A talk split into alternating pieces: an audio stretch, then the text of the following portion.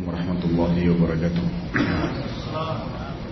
Alhamdulillah Selalu kita ucapkan kalimat yang mulia ini Kepada satu-satunya pencipta segala sesuatunya Allah Yang menciptakan yang di langit, yang di bumi dan di kedalaman lautan Dan tidak ada sekutu baginya. Tidak ada partner Tidak ada yang membantunya. Dia maha melihat, maha mendengar, maha mengetahui dan dia satu-satunya zat yang mengerjakan apa yang dia inginkan. Tidak ada yang bisa menghalanginya untuk itu. Dan juga kita panjatkan salawat dan taslim kepada Nabi besar Muhammad sallallahu alaihi wasallam sebagai bentuk kepatuhan kepada Allah Subhanahu wa taala yang telah memberikan salam kepada beliau bersama dengan malaikat-malaikatnya. Lanjutkan bahasan dosa besar dan malam ini kalau menurut ukuran atau urutan buku sudah hadis yang terakhir dosa besar yang terakhir tetapi sebagaimana saya katakan yang lalu kita akan mengulangi dari 1 sampai 50 yang di awal karena cukup banyak yang belum terupload kemarin setelah dicek oleh teman-teman kameramen dan juga ada banyak ikhwah kita dan akhwat kita yang baru ikut. Mereka ikut dari dosa besar 50 atau 60 sekian ke atas. Dosa besar yang Terakhir dalam bab ini sebenarnya dosa besar ke-106 Masalah tidak menjawab salam. Tidak menjawab salam. Jadi salam dalam Islam adalah sebuah simbol Yang memang setiap muslim harus senantiasa menjaganya. Dia menyebutkan dan menjawab salam Yang memulai lebih afdal daripada yang menjawab. Dan ini sudah menjadi perintah dasar dari Nabi Shallallahu Alaihi Wasallam. Landasan kenapa dikatakan oleh Imam Az-Zahabi tidak menjawab salam dosa besar karena hadis Nabi Shallallahu Alaihi Wasallam. Riwayat Imam Bukhari yang berbunyi hak Muslim terhadap Muslim ada enam. Yang pertama, bila ia salam dijawab.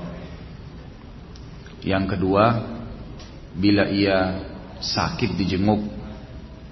Yang ketiga, Bila ia minta dinasihati Maka dinasihati Yang keempat Bila ia meninggal Disolati dan diantar jenazahnya. Yang kelima Bila dia mengundang Maka dijawab undangannya. Dan yang keenam Bila dia bersin Dan mengatakan Alhamdulillah Maka didoakan mengatakan Yarhamkallah atau dia mengatakan segala puji bagi Allah kita menjawabnya dengan semoga Allah merahmatimu dengan kalimatmu itu. Ini hak muslim. Dan hak muslim dalam hadis ini yang pertama adalah kalau dia salam dijawab. Dan ulama sepakat mengatakan menjawab salam hukumnya wajib. Sementara memberi salam hukumnya sunnah. Jadi kalau seandainya ada muslim yang lewat kemudian kita tidak memberikan salam tidak berdosa tapi kita kehilangan fadilah. Tetapi kalau sudah mendengar salam, maka wajib untuk dijawab. Dan menjawab salam ini sifatnya fardu kifayah. Artinya kalau misal dalam ruangan ini ada yang memberikan salam ke majelis kita, maka yang memberi salam satu orang misalnya, kalau ada satu orang saja yang menjawab dalam majelis ini sudah cukup. Sifatnya fardu kifayah, wajib tapi kifayah. Artinya yang lain gugur kewajibannya. Sama dengan sholat jenazah. Kalau sudah ada yang berdiri mengerjakannya maka yang lain gugur kewajibannya. Salam tentu kita sudah tahu lafadznya Assalamualaikum warahmatullahi wabarakatuh. Dan salam ini artinya Assalamualaikum keselamatan semoga senantiasa menyertaimu. Dan warahmatullah juga selalu rahmatnya Allah bersamamu dan juga wabarakatuh dan semoga berkah Allah selalu bersamamu. Jadi ini memang doa yang sangat luar biasa. Bagaimana setiap muslim berusaha untuk saling mengucapkan. Juga yang menjawab sama, Waalaikumsalam dan semoga selamatan selalu bersamamu. Warahmatullahi dan semoga rahmat Allah bersamamu. Wabarakatuh dan berkahnya. Rahmat Allah ini maksudnya kasih sayang Allah dan masuk dalam rahmat adalah terpenuhinya kebutuhan. Wabarakatuh dan berkahnya artinya Allah akan berkahi apa pun yang dia kasih. Misal ada orang dikaruniai harta satu juta rupiah. Kalau Allah berkahi maka satu juta itu akan sangat bermanfaat. bisa sudah beli macam-macam, itu pun masih ada sisanya. Atau kadang-kadang subhanallah dipinjamkan ke orang lain, orang lain selesai permasalahannya dan dikembalikan pada waktunya. Atau mungkin dia investasikan ke satu bisnis walaupun kecil, tiba-tiba mendatangkan keuntungan yang besar dan seterusnya. Ini semua namanya berkah. Jadi memang kita minta kepada Allah agar saling diberkahi. Bayangkan kalau setiap saat kita ketemu dengan muslim dan kita berikan salam. Karena memang perintah Nabi Shallallahu Alaihi Wasallam agar kita memberikan salam kepada orang yang kita kenal dan tidak kita kenal dari kaum muslimin. Hadis pertama berhubungan dengan masalah itu adalah hadis riwayat Imam Muslim di mana Nabi Shallallahu Alaihi Wasallam ditanya oleh seorang sahabat, "Ayu Islamin khair ya Rasulullah?" Amalan apa dalam Islam yang sifatnya sunnah setelah kewajiban-kewajiban yang Allah bebankan yang besar pahalanya? Maka berkatalah Nabi Shallallahu Alaihi Wasallam, tut'imu ta'am wa tusallimu ala man ala man ta'rif man lam ta'rif. Engkau memberikan makan kepada orang-orang kaya atau miskin. Kita boleh memberikan makan dan pahalanya besar. Serta juga engkau memberikan salam kepada orang yang kau kenal dan kau tidak kenal. Jadi memang di sini kita mendapatkan perintah untuk memberikan salam kepada orang yang kita kenal dan tidak kita kenal. Itu hadis pertama berhubungan dengan masalah perintah salam. Hadis yang kedua adalah diangkat oleh Imam Az-Zahabi dalam buku beliau ini hadis riwayat Imam Muslim. Maaf, hadis riwayat Imam Muslim ya, dalam Kitabul Iman. Kata Nabi sallallahu alaihi wasallam, "Walladzi nafsi Muhammad walladzi nafsi biyadihi la tadkhulul jannata hatta tu'minu wa la tu'minu hatta tahabbu." Ala adullukum ala syai'in idza fa'altumuhu tahabbtum Abshus salamu bainakum. Demi zat yang jiwaku berada dalam genggamannya, kalian tidak akan masuk surga sampai kalian beriman. Dan kalian tidak akan beriman sampai kalian saling mencintai. Maukah kalian aku tunjukkan perbuatan yang kalau kalian kerjakan pasti kalian akan saling mencintai? Maka para sahabat mengatakan, iya ya Rasulullah, kata Nabi SAW, sebarkanlah salam di antara kalian. Sebarkanlah salam di antara kalian. Ini hadis kedua yang menyuruh kita untuk saling memberikan salam. Tentu ada dalil yang ketiga berhubungan dengan salam, tapi tadi kita sudah sebutkan di awal pertemuan haknya muslim atas muslim ada enam. Di antaranya kalau dia salam, ya dia e, dijawab. Ya. Mengucapkan salam, setiap kali potongan salam mendapatkan sepuluh pahala. Assalamualaikum sepuluh pahala, warahmatullah sepuluh dan wabarakatuh sepuluh. Maka kita ya mengucapkan semuanya lengkap Jangan sampai kita mengiyakan bisikan syaitan karena syaitan langkah pertamanya ingin menjauhkan kita agar tidak menyebutkan atau mengerjakan ibadah. Kalau dia nggak bisa maka minimal dia akan mengurangi kadar pahalanya. Dia mengurangi kadar pahalanya. Misal kita tahu Assalamualaikum 10 warahmatullah 10 wabarakatuh 10 Maka biasa syaitan itu membisikkan Sudahlah terlalu panjang Mungkin ya begini Atau dibuat kita malu untuk mengucapkannya Ini harus dilawan Landasan hukumnya adalah hadis sahih riwayat Bukhari. Seorang sahabat masuk dalam majlis Nabi Shallallahu Alaihi Wasallam lalu mengatakan Assalamualaikum. Lalu Nabi Shallallahu Alaihi Wasallam jawab. Kemudian orang itu duduk. Nabi mengatakan lahu asyarah.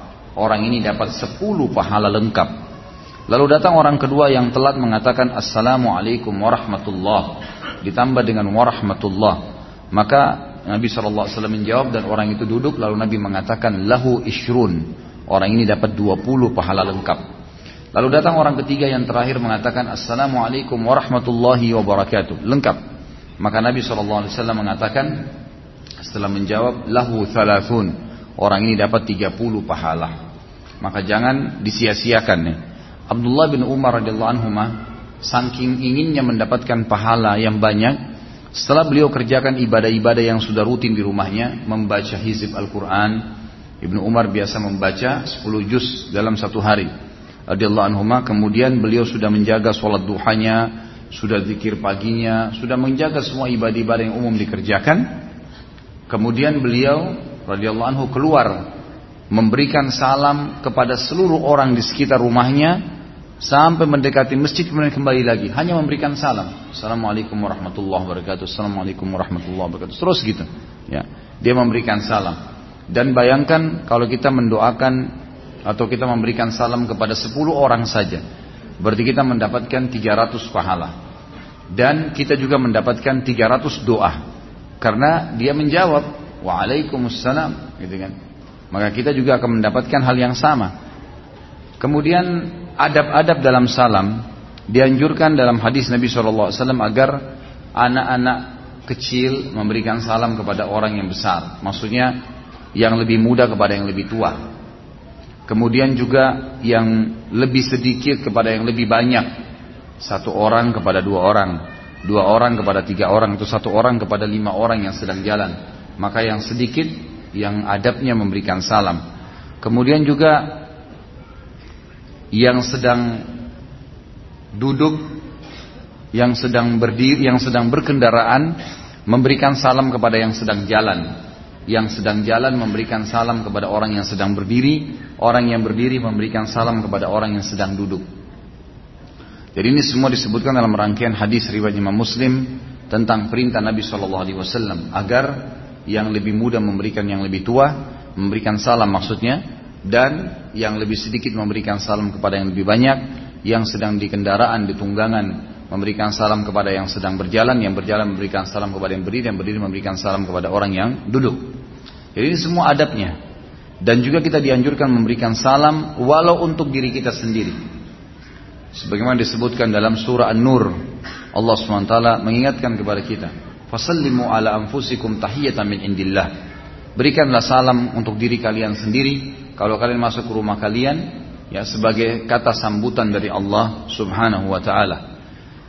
Kita tahu juga salam ini disebutkan pada saat kita sedang sholat. Assalamualaikum warahmatullahi wabarakatuh. Boleh dibaca Assalamualaikum, boleh warahmatullahi ditambah, boleh juga wabarakatuh. Makin lengkap makin bagus. Dan sebagian ulama mengatakan ini salam untuk para malaikat. Kalau tadi salam masuk ke dalam rumah, itu kalau dalam hadis disebutkan untuk menjadi tameng dari syaitan. Kata Nabi Shallallahu Alaihi dalam hadis riwayat Imam Muslim, siapa pun yang masuk ke rumahnya memberikan salam untuk dirinya sendiri, maka ya secara otomatis syaitan yang ada di sekitar rumahnya berkata pada teman-temannya, tidak ada tempat nginap untuk kalian malam ini. Artinya, tidak bisa masuk ke dalam rumah hanya dengan salam. Maka para ulama sangat menganjurkan setiap orang muslim kalau masuk ke dalam rumah memberikan salam, masuk ke dalam dapur memberikan salam, masuk ke dalam ya kamar tidurnya memberikan salam walaupun tidak ada orang. Sebagai kata sambutan dari Allah Subhanahu wa taala karena salam-salam ini itu sudah cukup menjadi tameng buat syaitan tidak bisa masuk ke ruangan tersebut.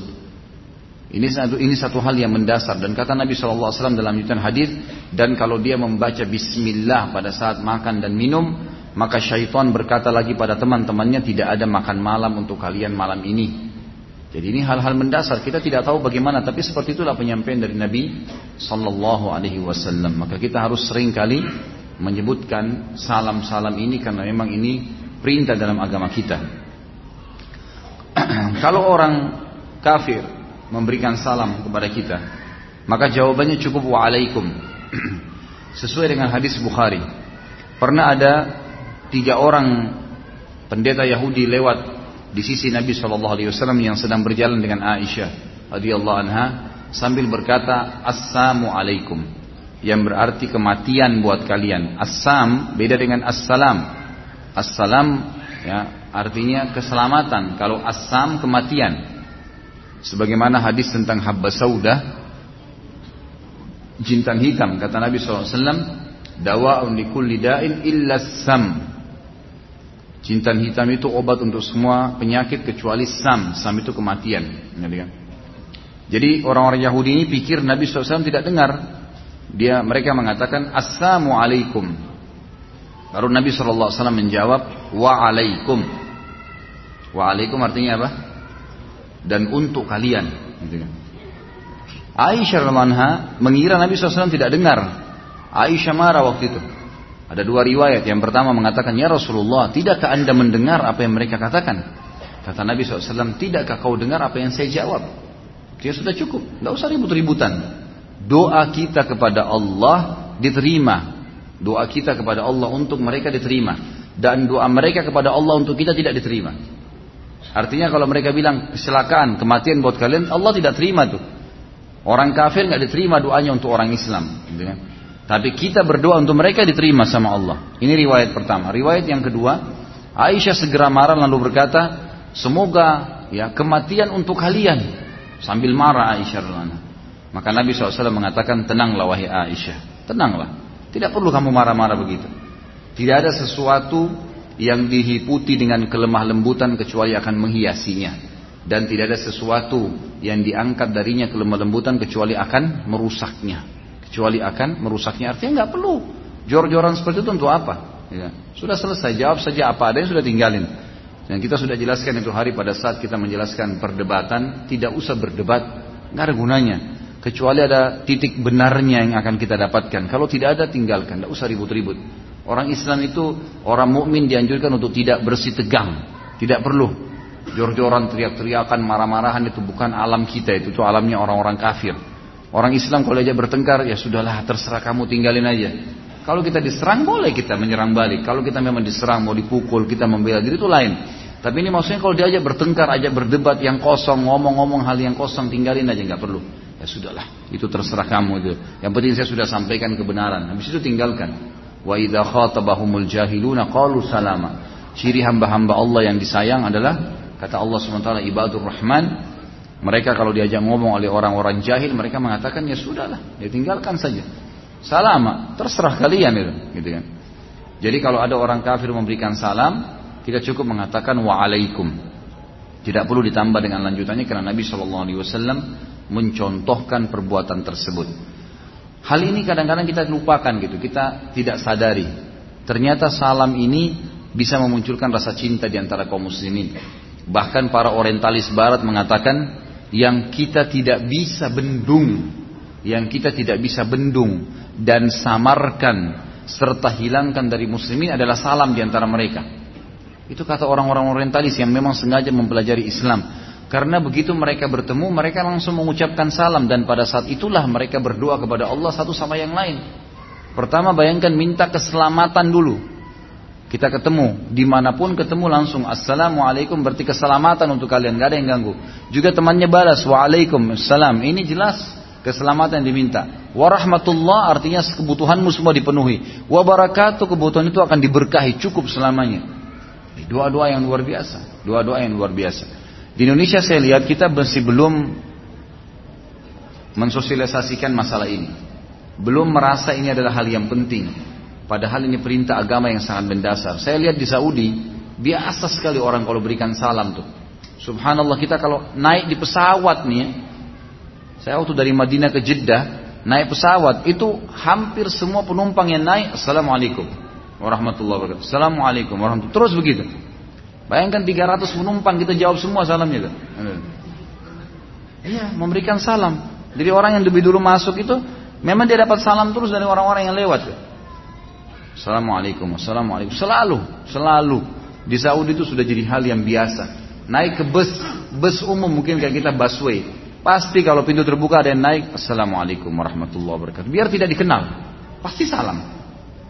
Jadi jangan kaget kalau pas lagi interaksi di Saudi melihat. Tapi ini tentu kalau orang umroh dan haji ini jarang melihatnya karena memang ini dalam kehidupan masyarakatnya yang bukan di sekitar masjid haram. Sehingga masjid haram kebanyakan pendatang.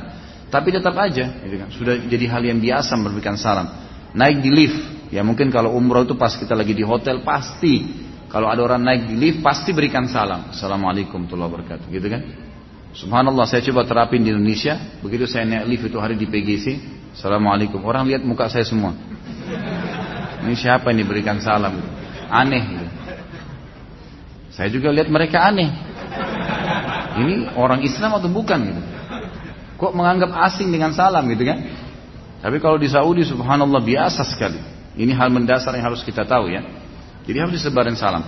Juga perlu teman-teman sekalian kata para ulama, kalau orang-orang muslim secara umum itu akan saling mendoakan akan bermanfaat buat mereka keselamatan, maka lebih pantas anak dengan orang tua, orang tua dengan anak, pasangan suami istri dengan istri ya, dengan suaminya, ya, suami sama istri sama suaminya. Seringlah memberikan salam setiap ketemu. Assalamualaikum warahmatullahi wabarakatuh. Itu berikan salam dan lengkapkan salam itu dan dilengkapkan salam itu. Tinggal ada beberapa hukum yang perlu saya titik beratkan. Khilaf di antara ulama tentang penulisan salam. Tentang penulisan salam. Bagaimana kalau seseorang menulis salam? Gitu kan? Apakah salam itu ditulis lengkap atau cuma ditulis ringkasan saja? Tentu ulama mengatakan pendapat pertama yang mengatakan lebih pantas dilengkapkan dan tidak boleh diringkas, gitu kan? Jadi kalau ditulis Assalamualaikum warahmatullahi wabarakatuh, baik di SMS, di WhatsApp, di apalah ya, di email kalau orang mau bertanya itu umumnya. Ya. Ini pendapat pertama dan ini yang banyak diangkat oleh teman-teman kita dai di Indonesia.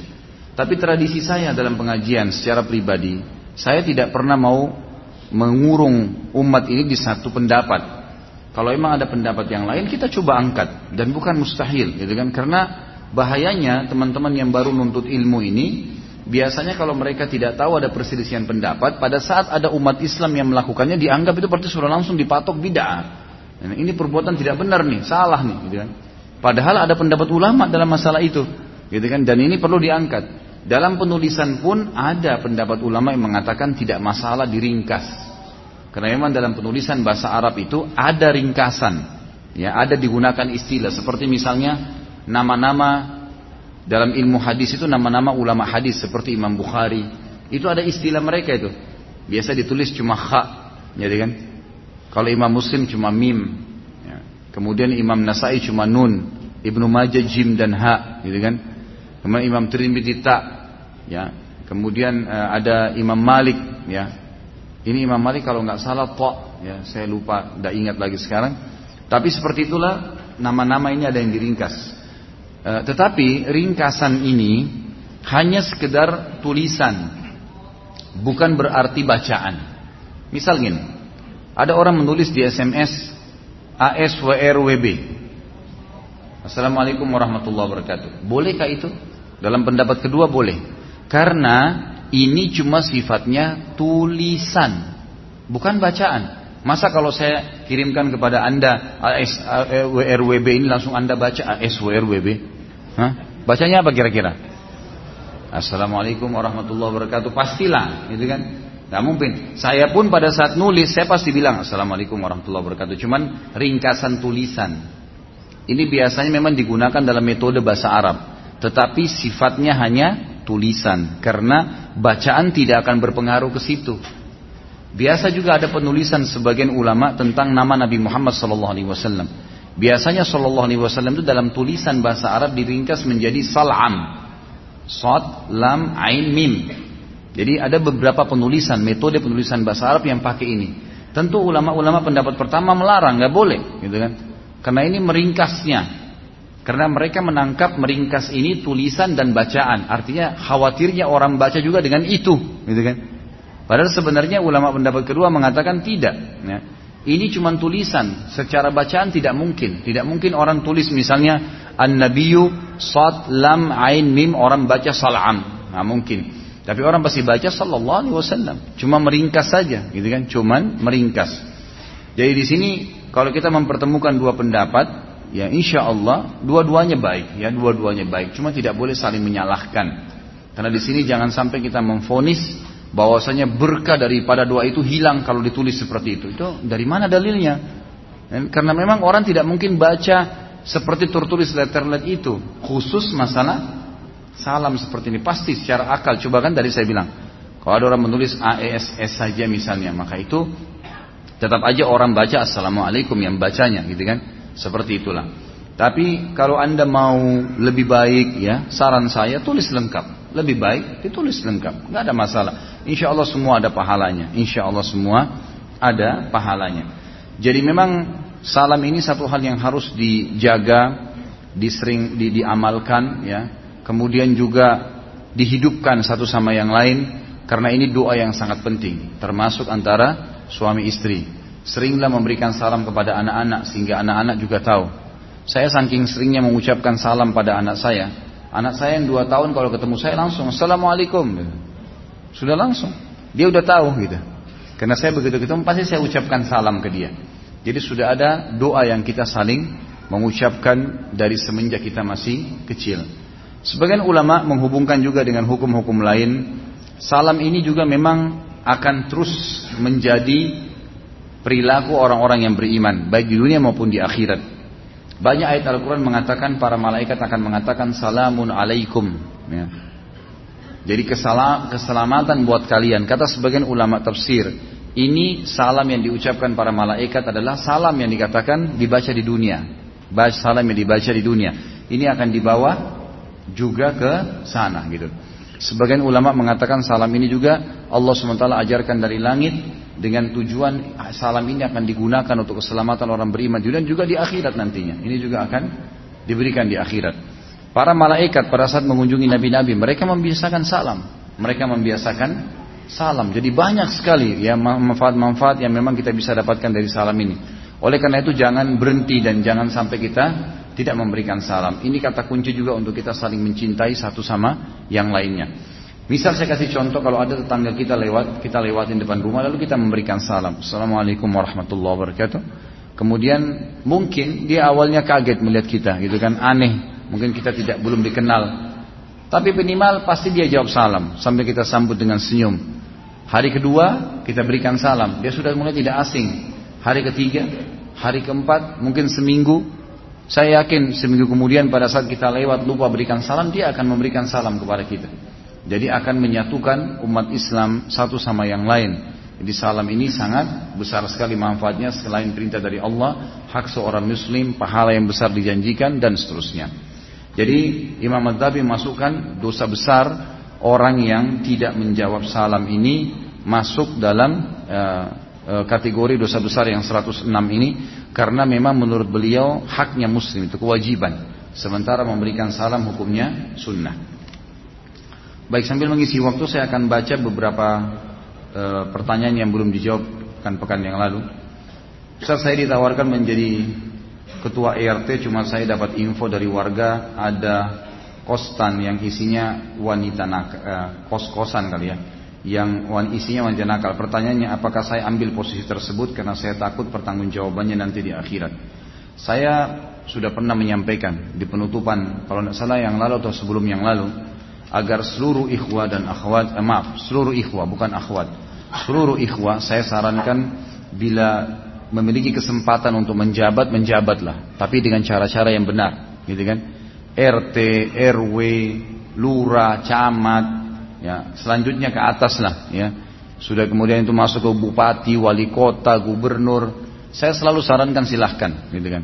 Malah saya mendukung ikhwa-ikhwa yang sudah faham sunnah untuk masuk, tapi dengan cara syar'i, bukan dengan cara ikut-ikutan pada hal-hal yang haram. Misal, anda tiba-tiba disorotin oleh orang-orang sekitar kita untuk jadi RT.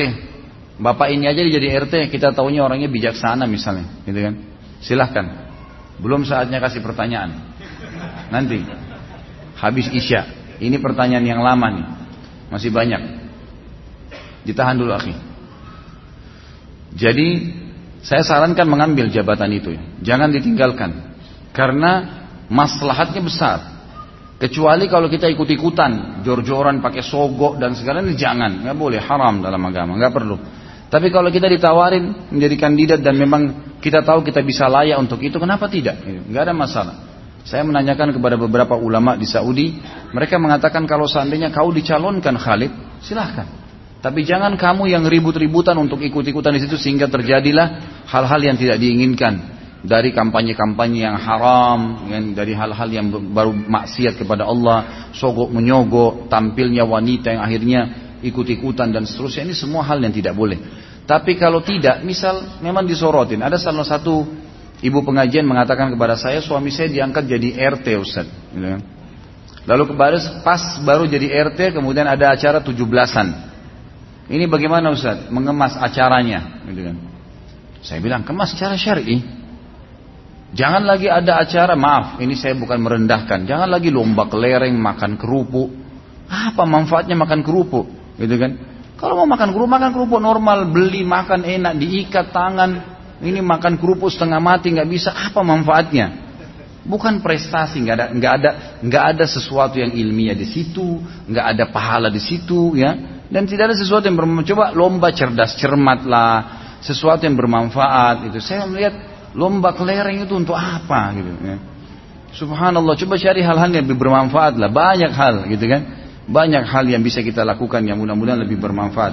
Mungkin kalau ada Ikhwan-ikhwan yang sudah faham sunnah bisa mengadakan kalau mayoritas muslim bisa mengadakan lomba hafalan Quran juz amma, mungkin lomba masak buat ibu-ibu saja dengan ibu-ibunya, mungkin bisa saja pembersihan lokasi dan banyak hal-hal yang positif yang bisa dilakukan lah.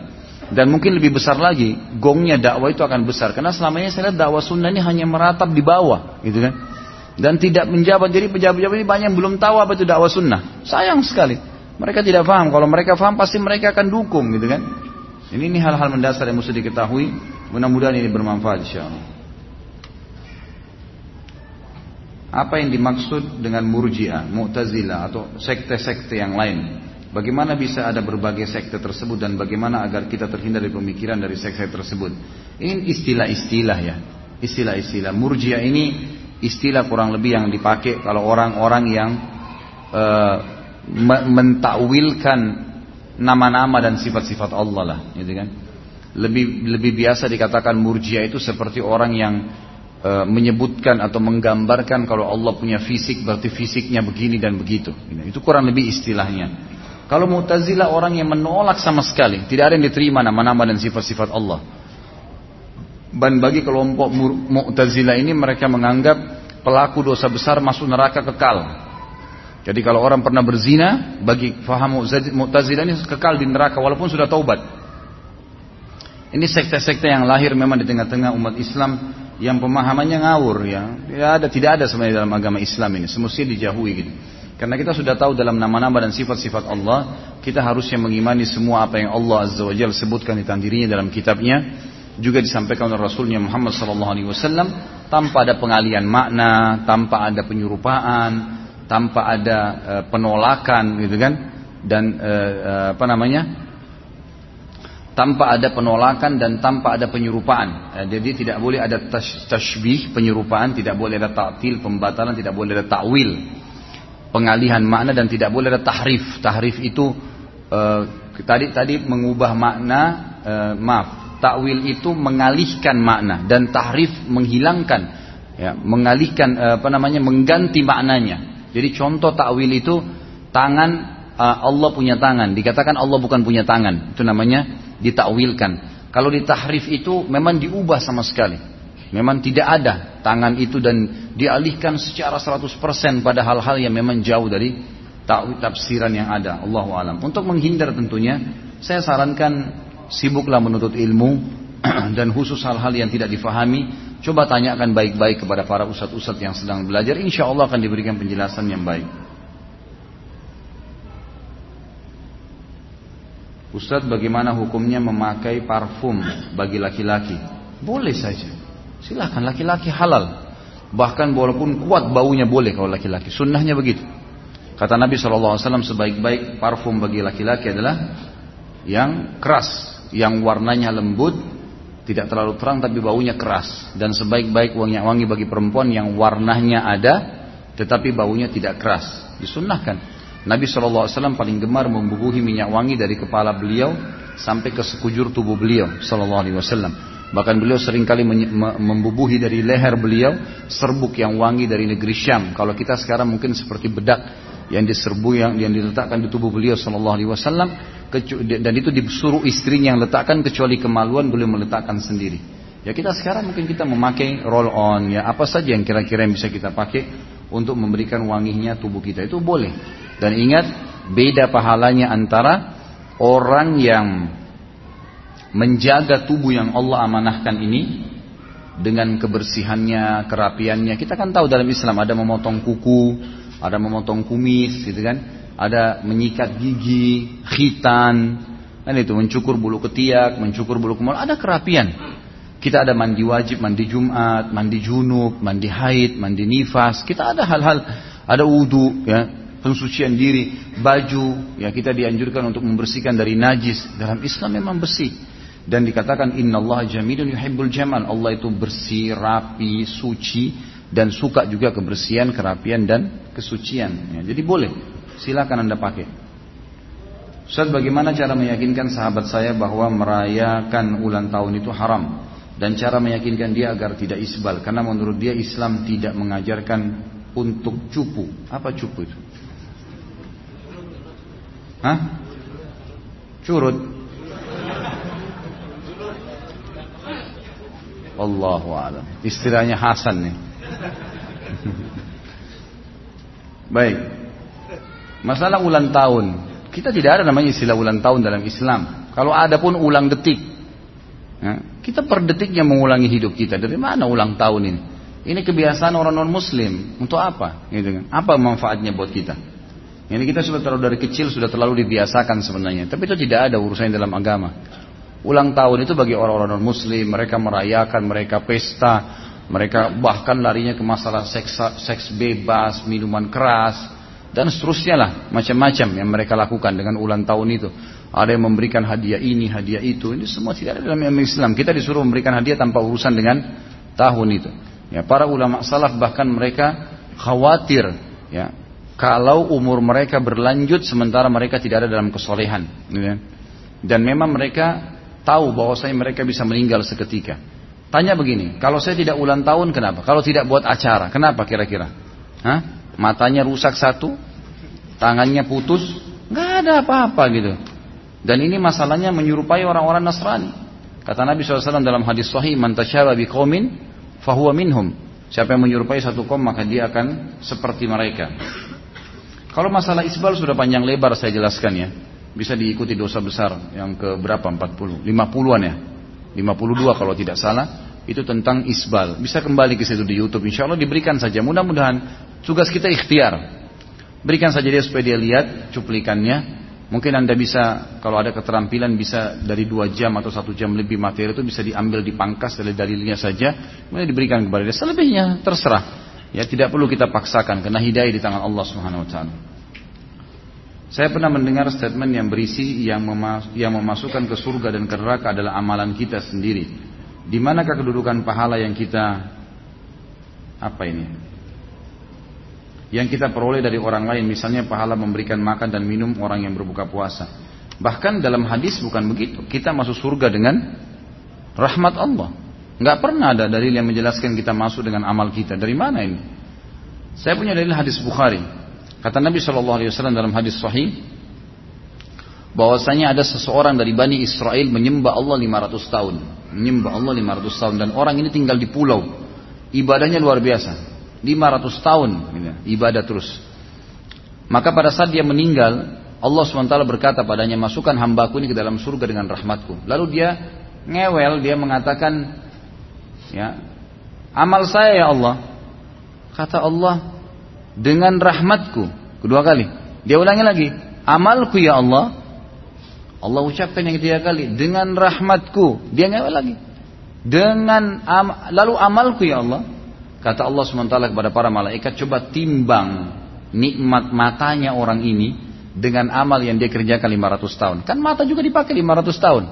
Coba timbang. Ternyata waktu ditaruh nikmat mata di timbangan. Dan amalnya di timbangan. Semua amalnya terlempar. Karena nikmat mata saja. Belum nikmat lisannya, belum nikmat pendengarannya, belum nikmat otot-ototnya, tulang-tulangnya dan segala macam lah. Gitu kan? Jadi memang orang masuk dengan rahmat Allah dan dalam hadis yang lain kata Nabi SAW semua kita akan semua kalian akan masuk ke dalam surga dengan rahmat Allah. Maka kata Nabi kata para sahabat ya Rasulullah anda juga kata Nabi SAW saya juga akan masuk dengan rahmat Allah SWT. Jadi memang tidak ada dengan amal kita sendiri. Berapa amal kita mau dibandingkan dengan mendapatkan surga coba?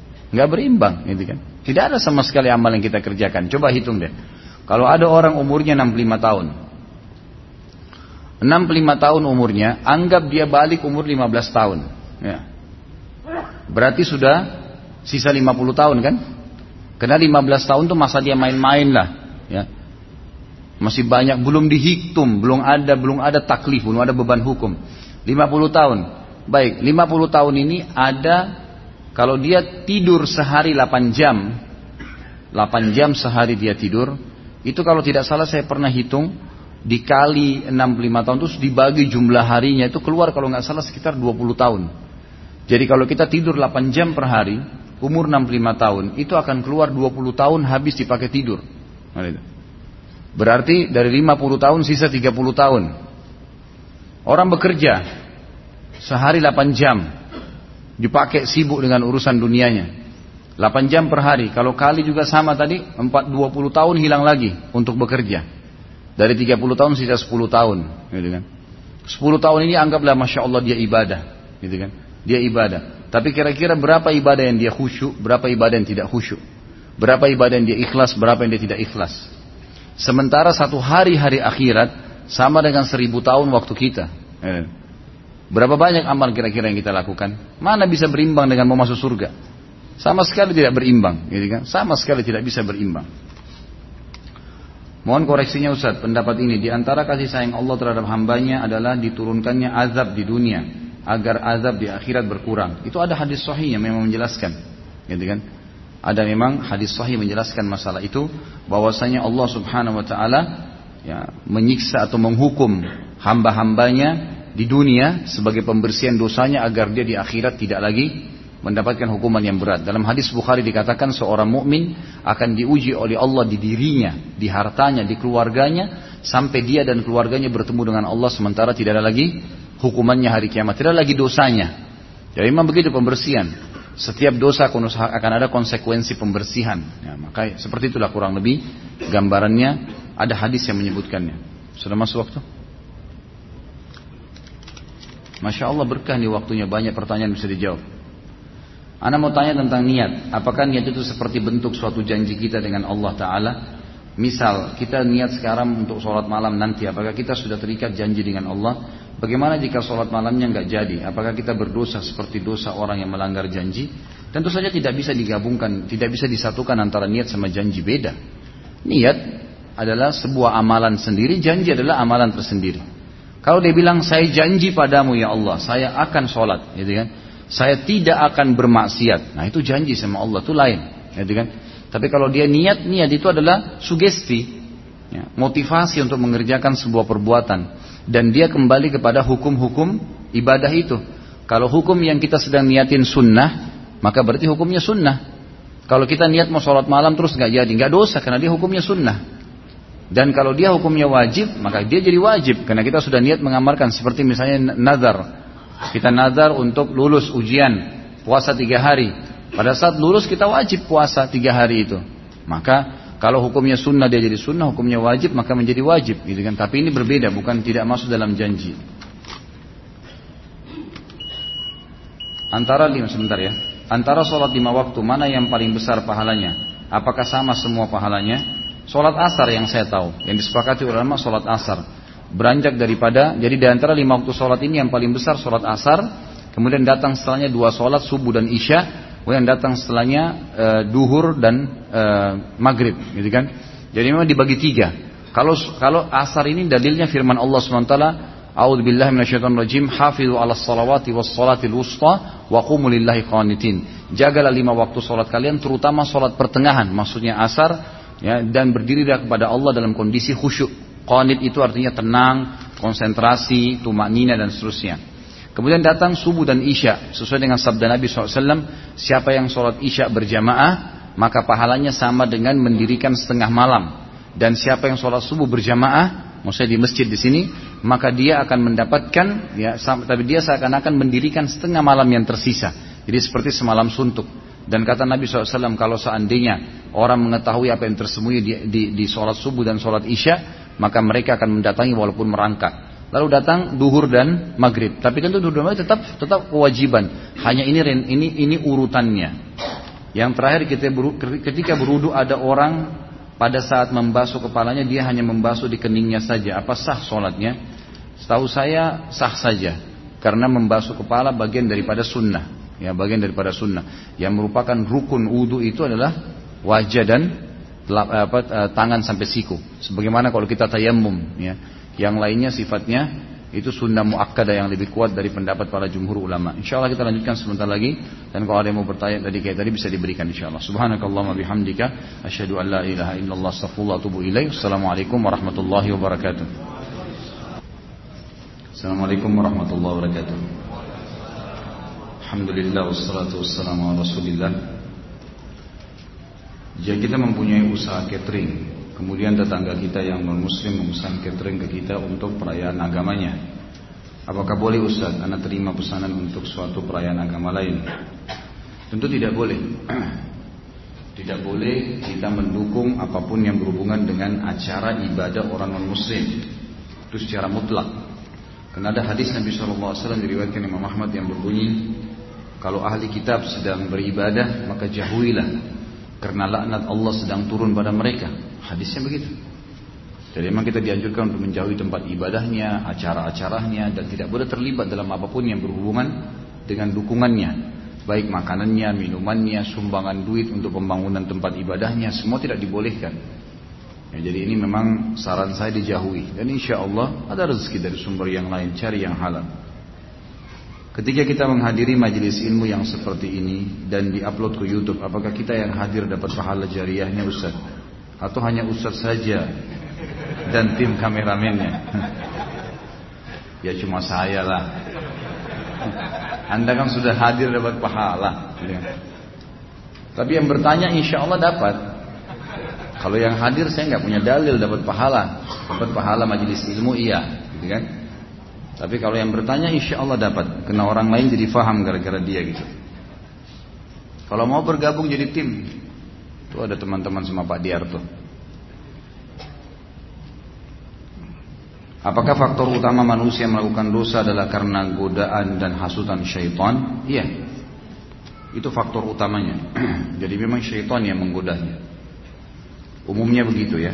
Jadi syaitan dan ini memang saya disebutkan dalam banyak ayat Al-Quran dan juga penjelasan Nabi Shallallahu Alaihi Wasallam. Kalau syaitan yang menyesatkan manusia, apakah tanpa ada godaan syaitan manusia masih berpotensi melakukan dosa? Ada, tapi kecil. Ada, ada jiwa yang ammaratum bisu. Dalam diri kita ada potensi. Potensi ini berbuat kebaikan, berbuat keburukan. Ada potensi itu. Nah sama syaitan potensi berbuat buruk ini ditunggangin terus. Kecenderungan untuk interaksi dengan yang haram, mendengar yang haram ada kecenderungan. Kan sudah pernah saya bilang, perbuatan dosa itu itu saja ada kenikmatannya. Kan gitu. Jadi orang e, masuk di karaoke nyanyi-nyanyi, orang ngumpul-ngumpul, orang mabuk, ada kenikmatannya itu. Bukan tidak ada kenikmatannya. Gitu kan? Allah mengatakan tentang khamar dalam Al-Quran A'udzubillahi minasyaitonirrajim Yas'alunaka anil khamri wal maisir Kul fihima ithmun kabir wa manafi'u linnas.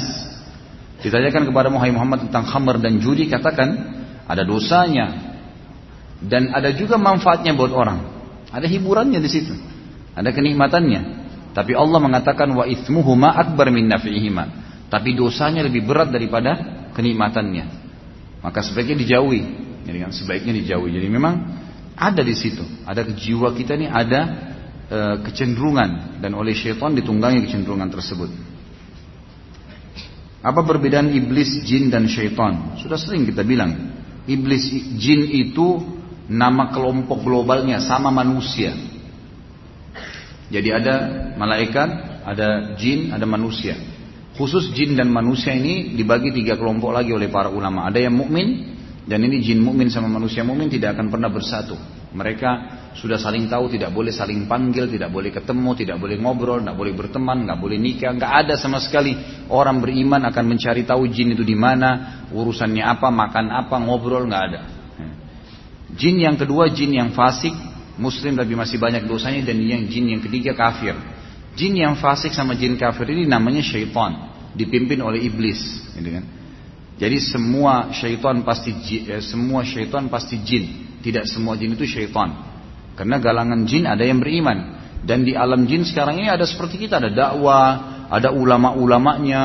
Mereka dakwah, ada jihad, ada alam itu, gitu kan? Ada alam itu pada mereka. Apa bentuk hakiki mereka? Allah Subhanahu wa taala menjelaskan mereka di dalam surah jin. Ya. Mereka dapat terlihat mereka dapat melihat manusia dan manusia tidak bisa melihat mereka. Tetapi kalau secara fisik saya tidak pernah spesifik mendapatkan dalil-dalil yang menyebutkan seperti apa kaki, seperti apa semua. Tapi ada hadis Sahih riwayat Bukhari tentang uh, sebab datangnya uh, sebab masuk Islamnya jin Nusaibin, jin dari wilayah Irak. Waktu itu datang mendengarkan dari Nabi SAW ayat-ayat Al-Quran pada saat orang-orang Quraisy membenci dakwah Islam dan pada saat Nabi SAW sedang ditimpa dua masalah besar meninggalnya Abu Talib pamannya yang merupakan pembela dakwah dan istrinya Khadijah radhiyallahu anha maka beliau sangat sedih pada saat itu dikenal dengan tahun kesedihan Allah SWT pada saat itu menghibur naminya Muhammad SAW dengan dua kejadian besar. Masuk Islamnya Jin Nusaybin dengan kejadian Isra dan Mi'raj. Dan ini bisa dilihat kembali ke materi sirah yang sudah saya sampaikan di YouTube tentunya ada.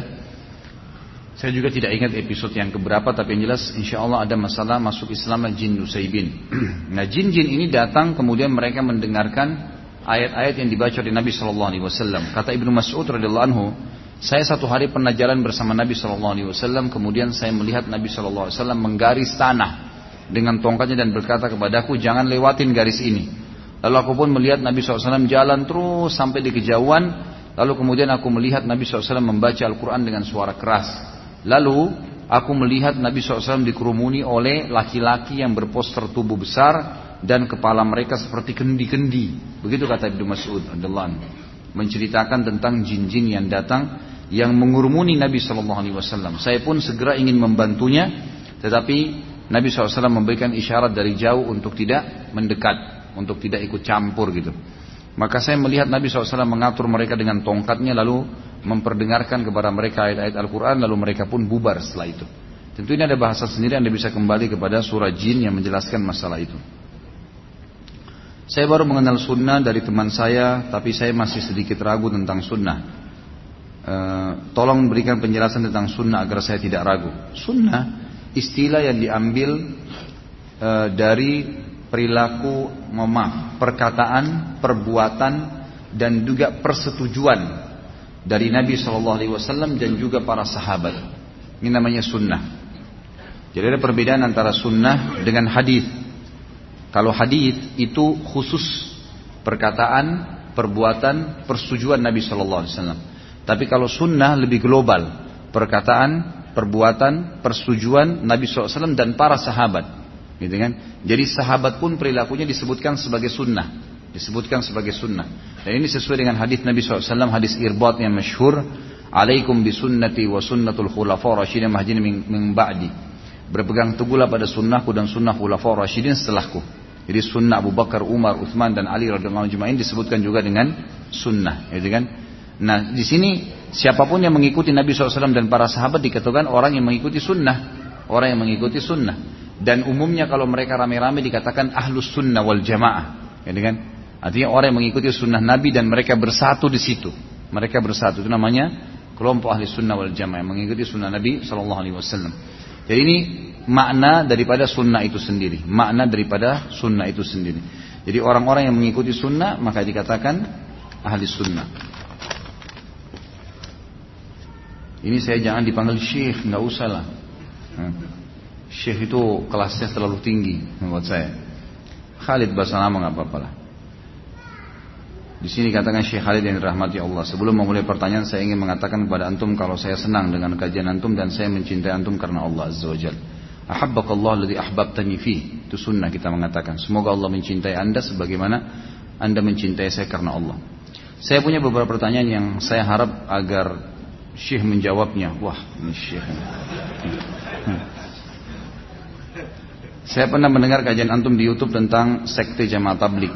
Bahwa dalam kajian itu antum tidak merespon kesesatan sekte tersebut secara mutlak. Sementara saya membaca kitab Ustadz Yazid Abdul Jawaz, Abdul Qadir Jawaz yang berjudul Mulia dengan Manja Salaf. Dalam kitab itu Syekh uh, Yazid menyesatkan jamaah tablik secara mutlak. Baik dari sisi akidah, manhaj dan muamalah mereka. Nah bagaimana Pak Antum tentang pendapat Syekh Yazid tersebut? Saya berharap pertama, mungkin akh ini belum terbiasa hadir di pengajian saya. Tolong jangan sebutkan nama, gitu kan. Saya sarankan di pengajian saya jangan sebutkan nama karena saya tidak pernah membahas individu. Saya tidak mau punya musuh di dunia wala di akhirat, gitu kan. Dan bukan tugas saya untuk menceritakan ini yang benar atau ini yang salah. Apa yang anda dengar di YouTube yang saya sampaikan itu pendapat yang saya tahu, gitu kan. Kalau anda merasa cocok, alhamdulillah diterima, gitu kan. Saya pribadi tidak melihat jemaah tablik secara mutlak semuanya itu sesat. Kita harus begini, bijaksana melihat kesalahan seorang muslim. Bijaksana melihat kesalahan seorang muslim. Bayangkan kalau setiap orang yang bertolak belakang dengan pendapat kita kita sesatkan. Coba bayangkan.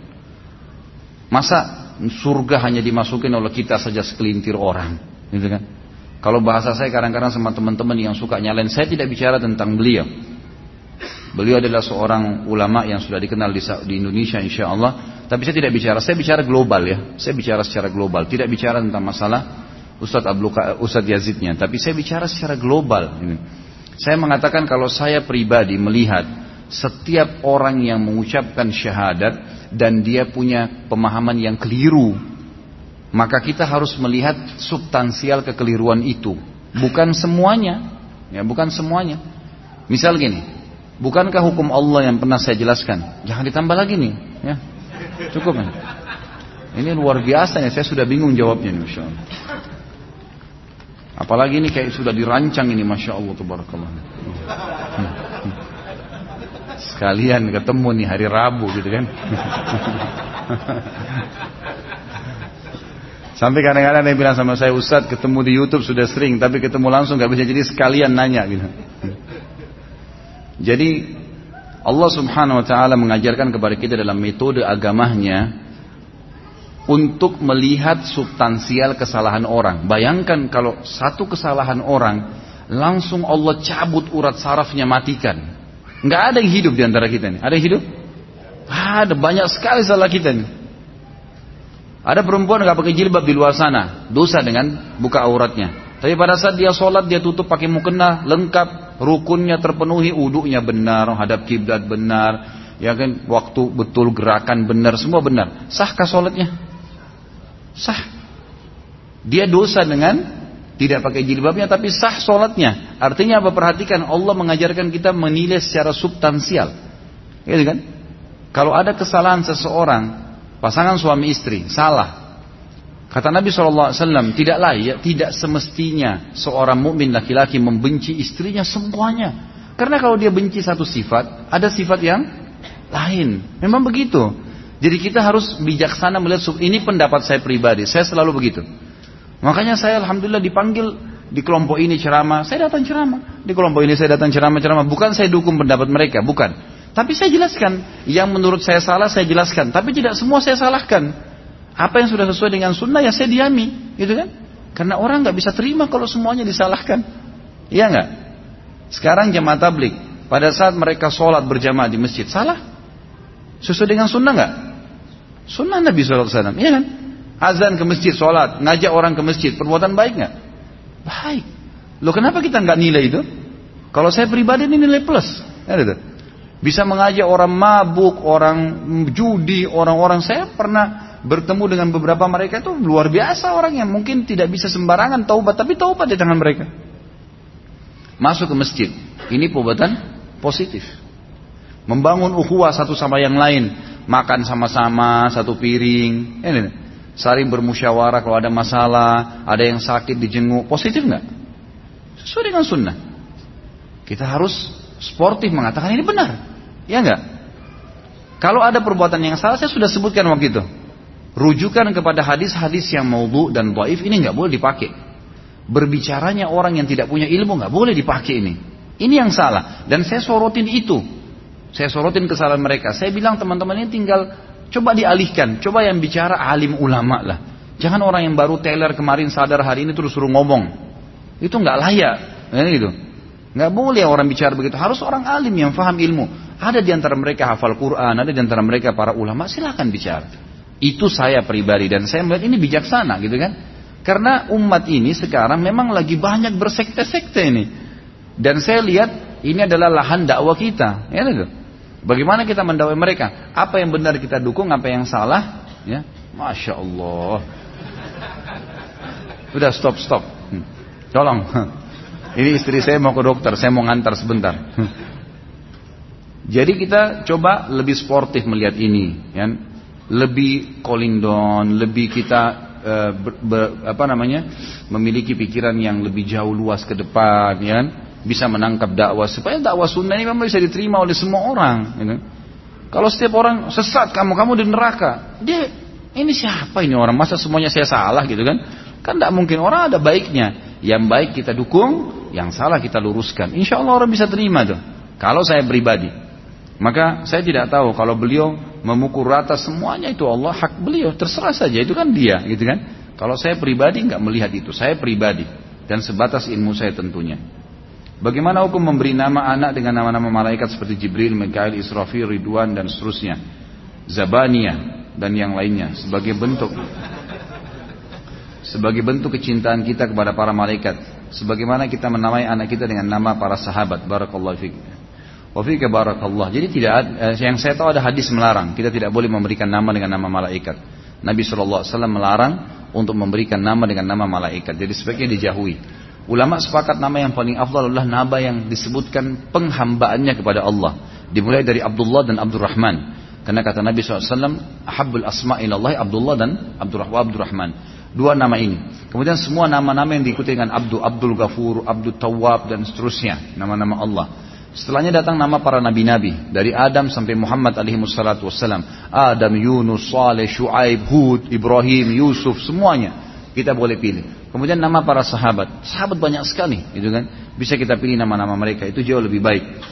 Jadi bentuk kecintaan pada malaikat adalah dengan cara mengimani keberadaan mereka dan menghormati apa yang disuruh hormati dalam agama. Seperti misalnya hadis Nabi Shallallahu Alaihi Wasallam, malulah kalian pada malaikat yang tidak berpisah dengan kalian, gitu kan? Kecuali kalian sedang di WC atau sedang berhubungan biologis. Jadi memang kita disuruh hormatin. Lalu dalam hadis lain kata Nabi SAW, malaikat terganggu apa yang mengganggu manusia dari bau busuk dan seterusnya itu malaikat tidak suka. Pemandangan-pemandangan yang tidak nyaman. Jadi kita lakukan yang ada dalilnya. Tapi memberikan nama Allah alam setahu saya sebaiknya jangan. Saya pernah mendengar kalau perhiasan ahli neraka itu dari besi. Nah bagaimana hukum memakai cincin akik yang terbuat dari besi putih dan semisalnya? Saya tidak pernah tahu kalau ahli neraka ada perhiasannya. Allahu alam. Selama ini saya selalu e, bahas tentang masalah neraka, saya tidak pernah tahu kalau ahli neraka ada perhiasan. Yang yang saya tahu malah mereka penuh dengan azab gitu kan. Yang azab dan yang ada itu dalam hadis disebutkan harta yang mereka tidak keluarkan atau harta haram atau harta yang tidak dizakatkan itu akan berubah menjadi timah panas yang akan ditempelkan disetrikakan di tubuh mereka itu ada. Tapi kalau perhiasan seperti kasus cincin, gelang. Ini saya tidak melihat ahli neraka ada memiliki itu. Allahu alam ya, mungkin sebatas ilmu saya. Jadi yang saya tahu tidak ada itu. Dan kalau laki-laki menggunakan perhiasan dari perak dibolehkan. Ya, Nabi SAW berkata dalam hadis Bukhari kepada seorang sahabat yang ingin menikahi seorang sahabiat yang sedang ada menawarkan diri kepada Nabi SAW kata Nabi iltamis walau khatam min hadid coba kau pulang cari walaupun cuma cincin perak yang saya tahu perak dibolehkan tapi kalau emas tidak boleh bagi laki-laki, gitu kan? Allah alam ini yang saya tahu. Saat mohon doakan istri dan adik anak agar memakai jilbab. Allahumma amin. Mudah-mudahan insya Allah Allah berikan hidayah bukan cuma saudara dan istri anda tapi insya Allah seluruh muslimat ya seluruh muslimat yang belum mendapatkan hidayah semoga Allah berikan petunjuk untuk bisa menutup aurat mereka. Amalan apa yang bisa dilakukan wanita yang sedang haid haid uh, selain doa pagi dan sore. Apa saja yang, yang tidak yang tidak dibolehkan itu hanya sholat, puasa, menyentuh fisik Al-Quran, kan gitu. Yang lain boleh, zikir, jenguk orang sakit, bakti dengan orang tua, sadaqah, banyak. Mendengar ceramah, banyak sekali. Jadi yang ditinggalkan cuma yang dilarang saja, yang tidak dilarang kerjakan. Kan itu. Apa hukumnya mendengarkan puisi? Kalau misalnya sesuatu yang positif, baik-baik saja isinya. Puisi kan bisa juga dikatakan syair ya. Itu boleh-boleh saja. Nabi SAW punya seorang penyair namanya Hassan ibn Thabit radhiyallahu anhu.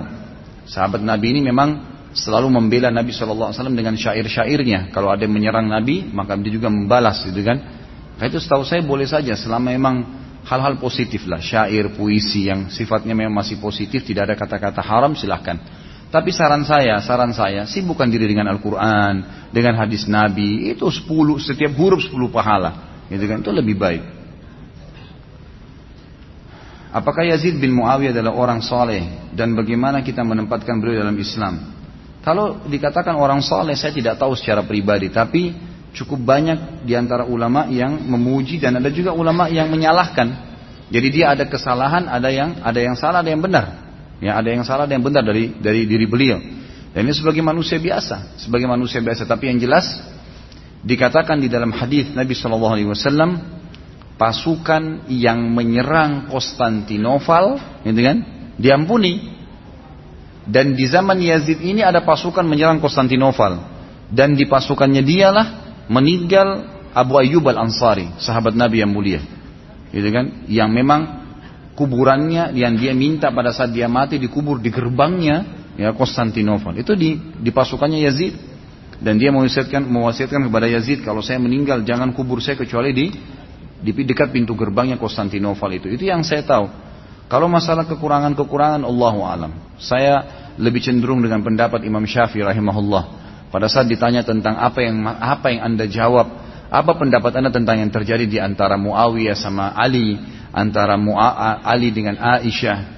Maka beliau ini adalah turunan Nabi SAW, Imam Syafi'i masyhur rahimahullah. Dan beliau mengatakan saran saya kamu membaca firman Allah dalam surah Al-Baqarah tilka ummatun kad khalat. Itu umat yang telah berlalu kata Allah. Laha ma kasabat walakum ma kasabtum. Mereka mendapatkan apa yang mereka sudah lakukan. Kalau mereka berbuat baik dapat pahala. Kalau mereka berbuat sudah dihukum sekarang. Kalau mereka berbuat buruk mereka sudah dihukum.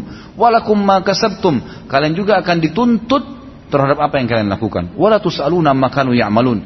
Janganlah kalian tanya-tanya lagi apa yang mereka lakukan. Artinya apa? Orang yang sudah berlalu sudahlah, gitu kan? Insya Allah jasa dia dalam Islam Allah sudah balas. Kalau ada keburukannya Allah sudah hukum. Lebih baik kita memikirkan bagaimana umat ini ke depan. Itu yang saya sarankan. Daripada kita mengorek-ngorek masa lalu sejarah Islam. Kita ambil positif dan kita meninggalkan yang negatifnya. Di kantor Anas setiap selesai sholat asar ada pembacaan hadis dari kitab Riyadus Salihin. Sementara masih ada jamaah yang masbuk. Apakah boleh Ustaz kami membaca hadis tersebut sementara jamaah terus berdatangan dan sholat? Kalau memang dianggap itu penting, darurat, maka boleh-boleh saja setahu saya. Allahu alam. Setahu saya boleh-boleh saja dan saya sarankan, saran saya supaya kalau bisa ya seperti masjid kita ini atau tempat-tempat yang lain, kalau ada taklim seperti ini mungkin teman-teman panitia bisa memberikan teman-teman kita yang terlambat tempat ya. Mungkin di sisi masjid dikasih karpet khusus ditulis untuk orang yang masbuk sehingga mereka tidak terganggu juga jemaah taklim tidak terganggu kan? Itu lebih lebih lebih positif dan lebih di tengah ya lebih adil istilahnya Daripada di sini saya teriak-teriak, di sana juga imamnya juga baca ayat yang keras, akhirnya seperti orang yang berantem. Gitu. Jadi lebih baik diatur seperti itu. Kalau antum melihat membaca Riyadus Salih ini penting, karena itu adalah ilmu dan kalau tidak seperti itu maka mungkin orang-orang tidak akan menuntut ilmu maka boleh dibacakan tidak ada masalah gitu kan dan saya sarankan orang-orang yang terlambat masbuk sholat coba cari sisi masjid yang tidak mengganggu orang karena kalau kita masuk dalam masjid, misal akhirnya nyerobot ke orang-orang yang masih duduk berzikir, mungkin mereka masih berzikir, mereka masih mengejar fadilah doa malaikat. Karena orang yang tidak berdiri dari musolahnya, tidak berbicara dengan orang di sebelahnya, tidak membatalkan wudhunya, malaikat kan terus mendoakan dia. Makanya ada orang duduk menunggu berzikir. Orang yang masbuk harus mengerti karena dia terlambat ya dia cari tempat posisi yang mungkin lebih tidak mengganggu dia dan tidak mengganggu jemaah yang lain. Ini saran saya, Allah Apa perbedaan antara qat'i sama dhanni? Qat'i itu sesuatu yang sudah tidak ada lagi keraguan di dalamnya. Kalau dhanni masih perkiraan, gitu kan? Ayat-ayat qat'i sesuatu yang berbicara langsung to the point kepada hukum. Aqimus sholat wa atuz zakat. Dirikan sholat dan tunaikan zakat. Qat'i, jelas. Nggak ada sesuatu yang perlu diragukan di situ, gitu kan? Kalau dhanni ini sesuatu yang sifatnya masih berbicara global, ya. Sifatnya berbicara global, yang sifatnya itu masih berbicara tentang sesuatu yang kemungkinan maknanya begini, kemungkinan maknanya begini. Misal, pada saat disebutkan aula mastumun nisa dalam surah Al-Maidah ayat 6 atau kalian melamas wanita kalian. Ini yang menyebab ulama mengatakan secara makna ini dhanni, gitu kan? Orang masih ini menyentuh ini menyentuh biasakah batal wudu atau menyentuh dengan syahwat? Maka Imam Syafi'i mengatakan menyentuh dengan menyentuh wanita yang boleh dinikahi termasuk istri walaupun sudah jadi istri syahwat atau tidak batal wudhunya karena Allah bilang awalamastumun nisa. Kemudian kalau jumhur ulama mengatakan tidak harus dengan syahwat baru batal karena kata-kata lams di sini itu harus dengan syahwat ya harus dengan syahwat dan ini Imam Muhammad Imam Malik Abu Hanifah mengatakan hal tersebut dikuatkan dengan hadis Bukhari Nabi SAW pernah mencium Aisyah dan menjadi imam sementara tidak berwudu gitu kan jadi seperti itu memahaminya. Dan apa perbedaan antara taklid dengan ta'assub? Sebenarnya secara makna mendekat. Kalau taklid itu mencontohi dengan dasar. Kalau ta'assub mencontohi tanpa dasar. Itu maknanya. Kalau taklid itu ada orang nih jalankan sunnah, kita ikutin. Kita tahu dia punya landasan, kita ikutin. Maka dikatakan kita mentaklidnya. Kalau ta'assub mencontohi seseorang hanya sekedar melihat tanpa tahu ini adalah landasannya atau tidak. Jadi fanatisme buta. Itu kalau ta'assub. Kalau taklid itu dia mengikuti dengan mengetahui ini ada landasan. Itu kurang lebih perbedaan dasarnya. Masya Allah, delapan, sembilan pertanyaan. Tanya satu, akhi, ukti, satu, dua gitu.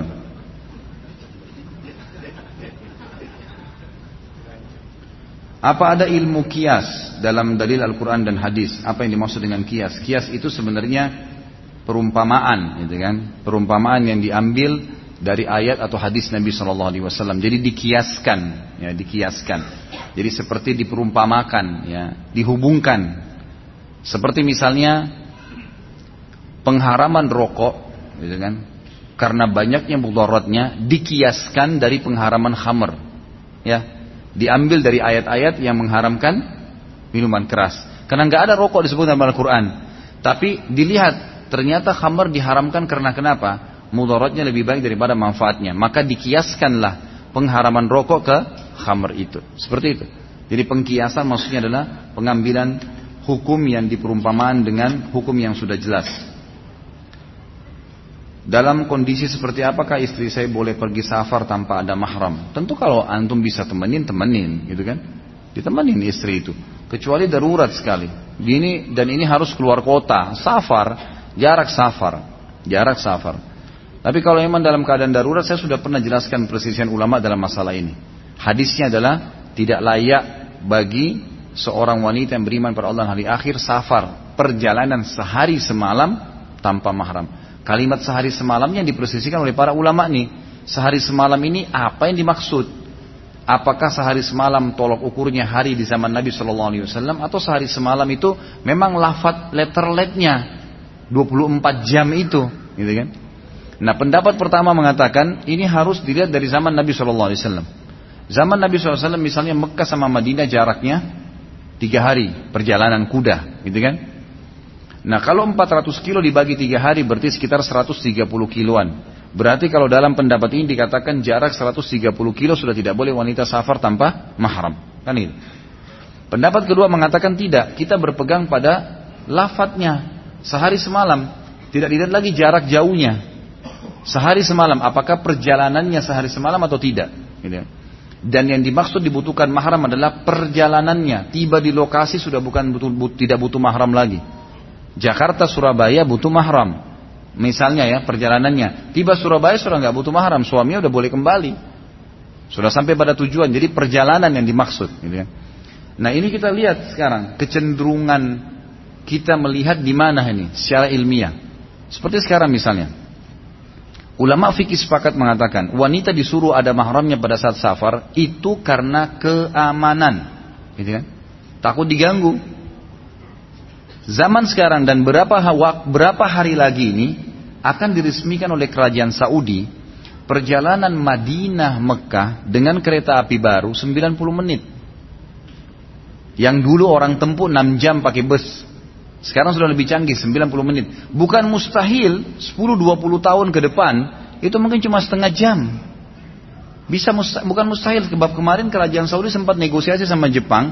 Salah satu kereta yang sempat ditawar itu, ada buatan Jepang yang terbaru, 400 kilo 20 menit. Sama dengan pesawat kecepatannya. Itu bukan mustahil 10-20 tahun lagi dipakai, gitu kan? Berarti jarak yang dulunya dari zaman Nabi SAW 3 hari 3 malam ditempuh dalam 20 menit nanti itu.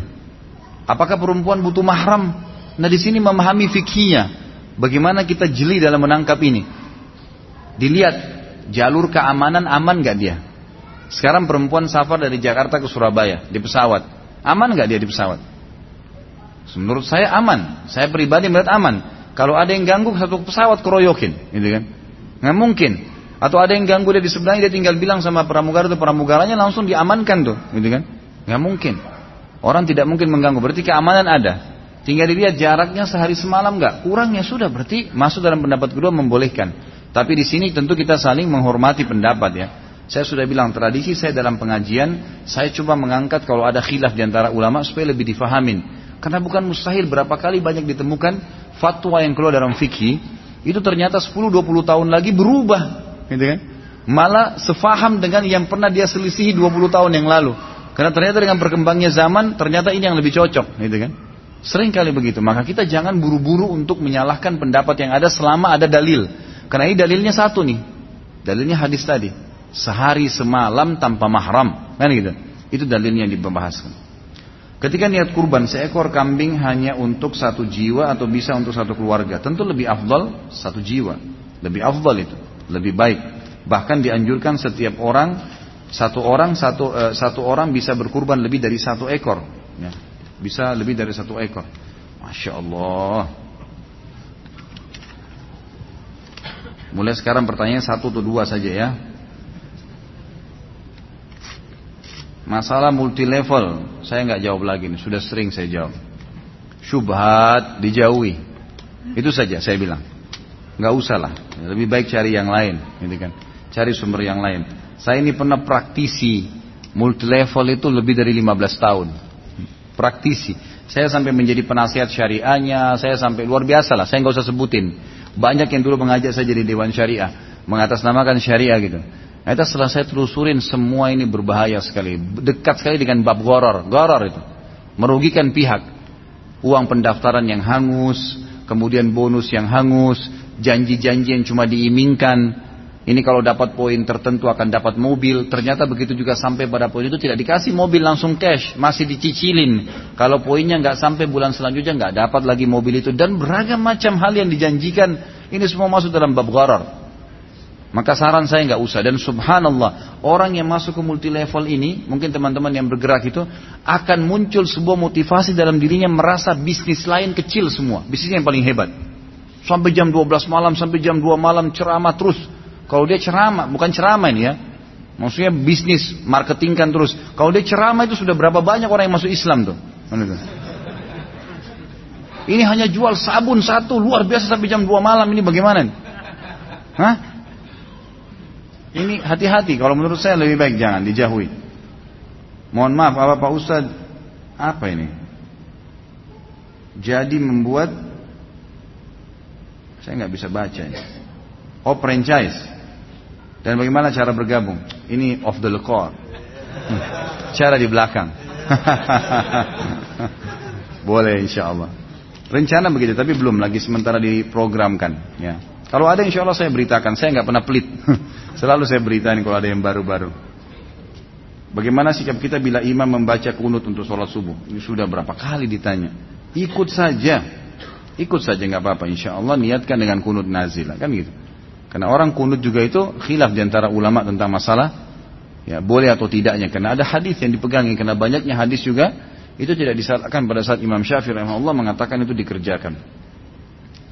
Apakah bacaan salam dalam tahiyat itu dia, dia dialog antara Nabi SAW kepada malaikat?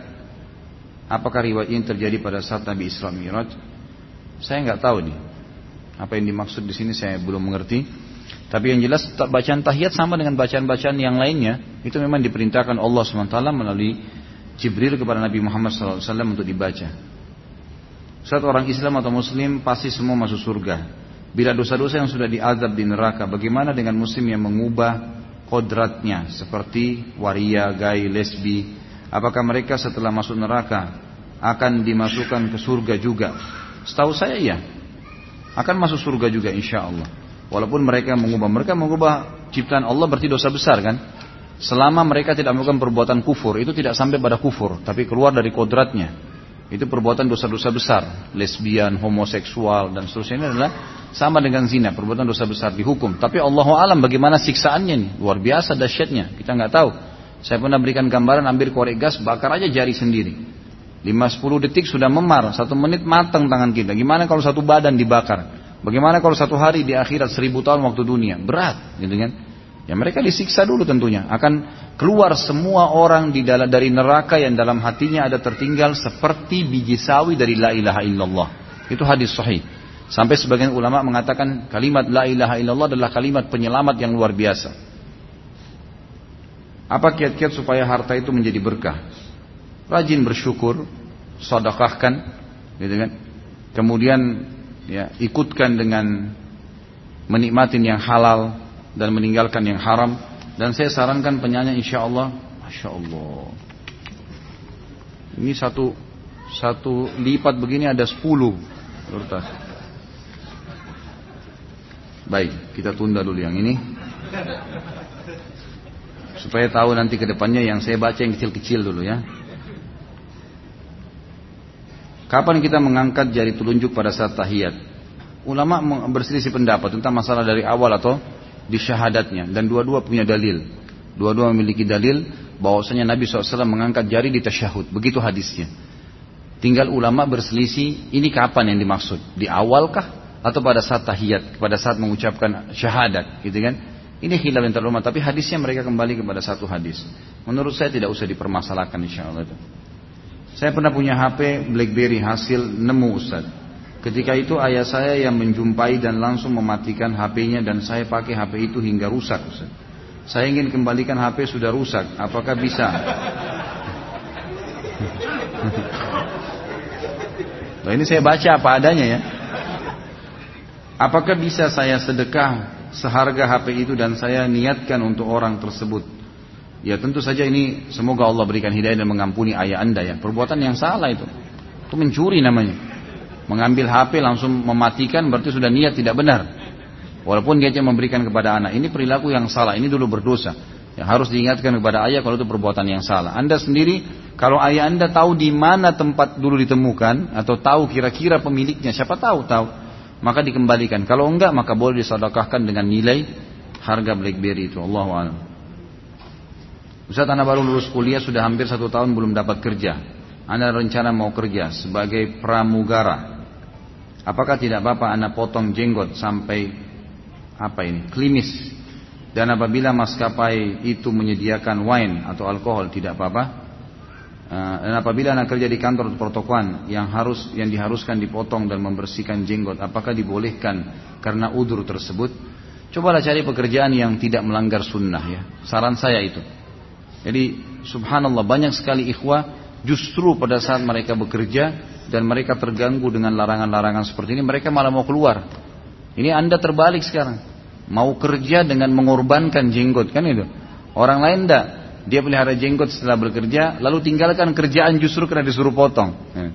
Ini saya lihat unsur timbal balik yang yang semestinya tidak terjadi ya. Mestinya anda mumpung belum bekerja coba cari pekerjaan yang memang tidak melanggar sunnah Nabi. Ya, memang harus ini lebih baik, Allahu alam. Karena saya sudah pernah jelaskan, jauh lebih baik kalau kita maksimal dalam mengerjakan ibadah, jauh lebih baik. Dosa itu, pelanggaran agama itu, seperti tembok rumah yang bobol, jebol, masuk angin dingin. Mana yang lebih efektif? Kita pakai selimut atau kita tutup lubangnya? Hah? Masih hidup gak ini? Pakai selimut atau tutup lubangnya? Nah, itu yang penting.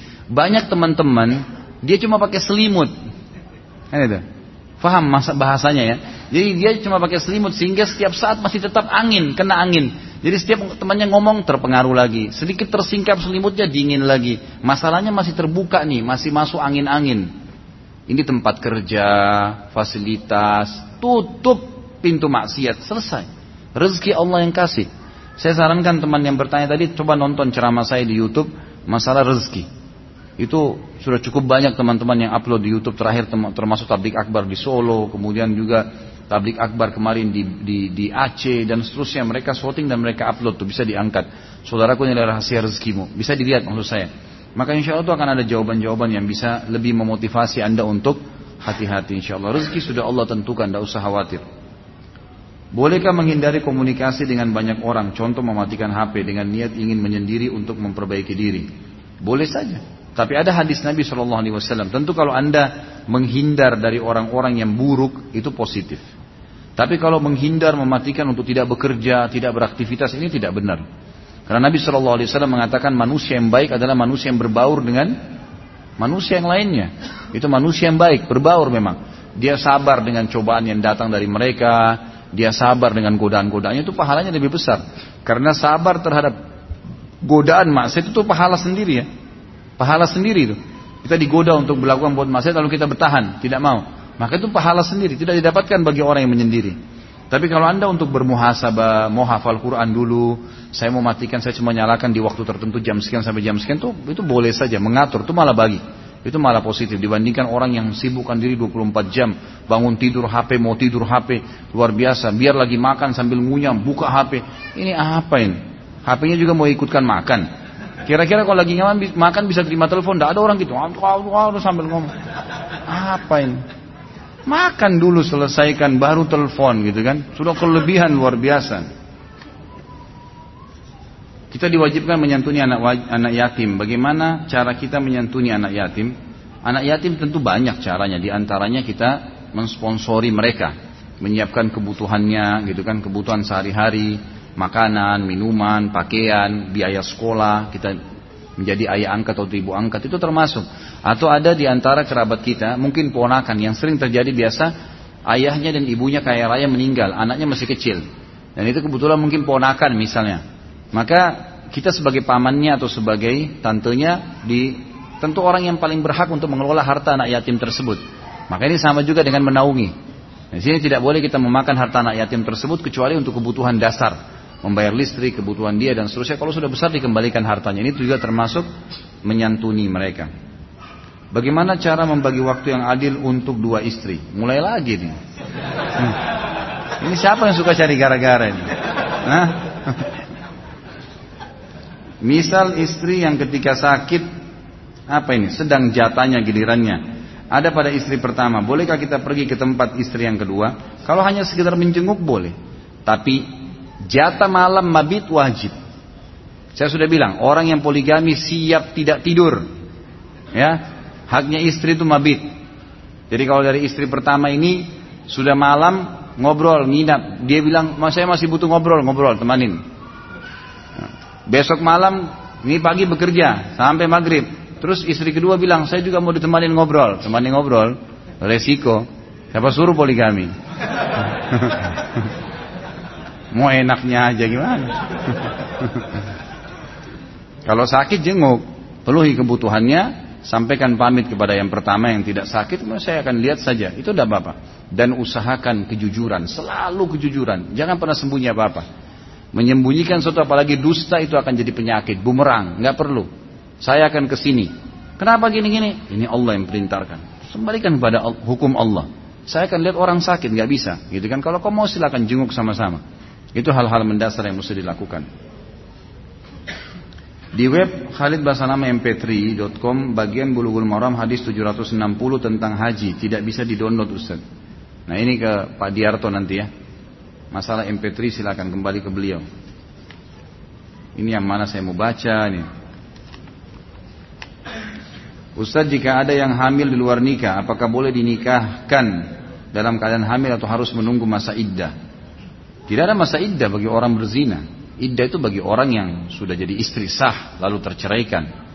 Jadi ini uh, lebih afdal dia tidak menikah, lebih afdal. Yang saya tahu pendapat begitu.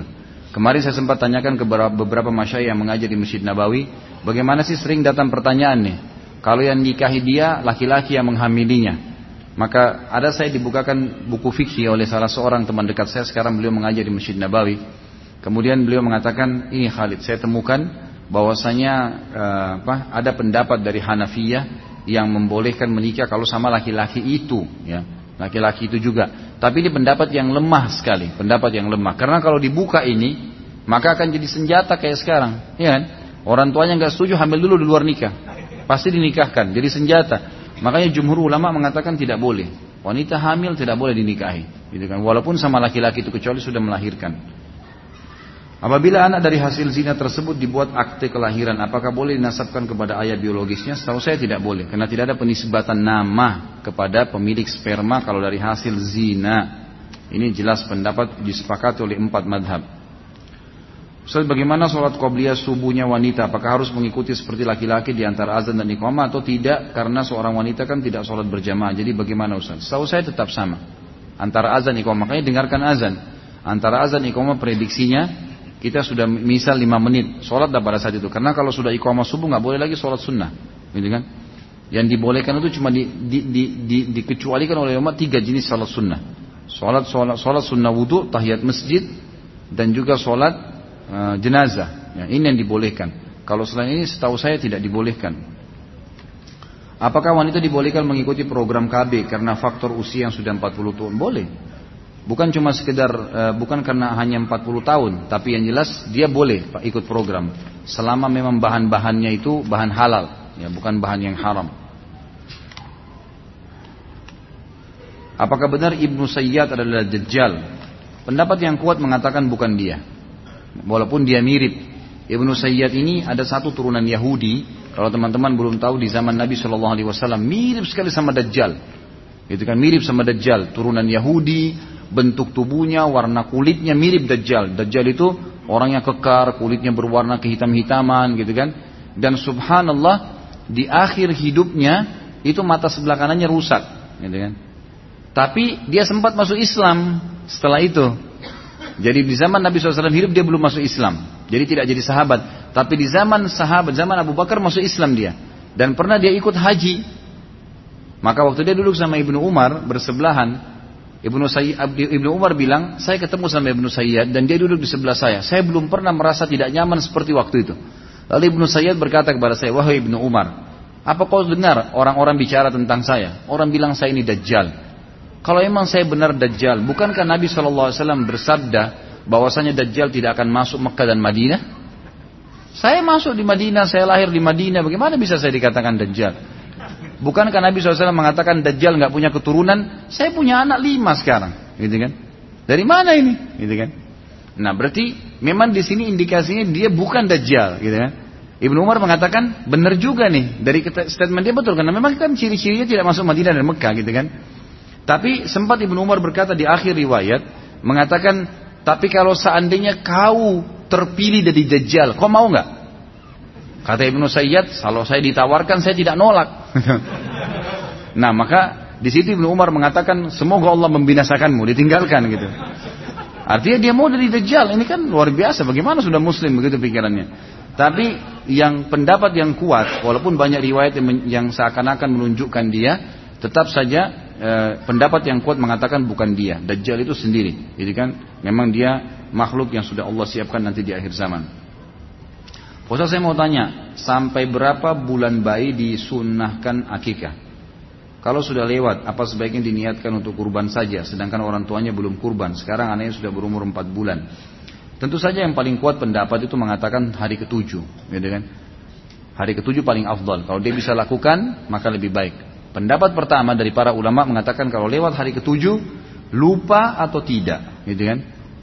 Mampu atau tidak mampu berarti dianggap dia sudah gugur kewajibannya.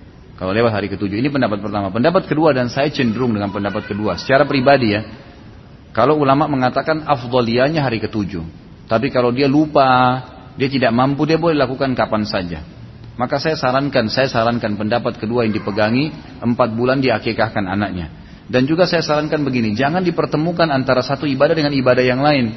Sering kali pertanyaan muncul nih, kalau tiba Idul Adha, selalu mengatakan Ustadz saya Idul Adha dulu, kurban dulu, atau saya akikah. Kenapa harus dipertemukan sih?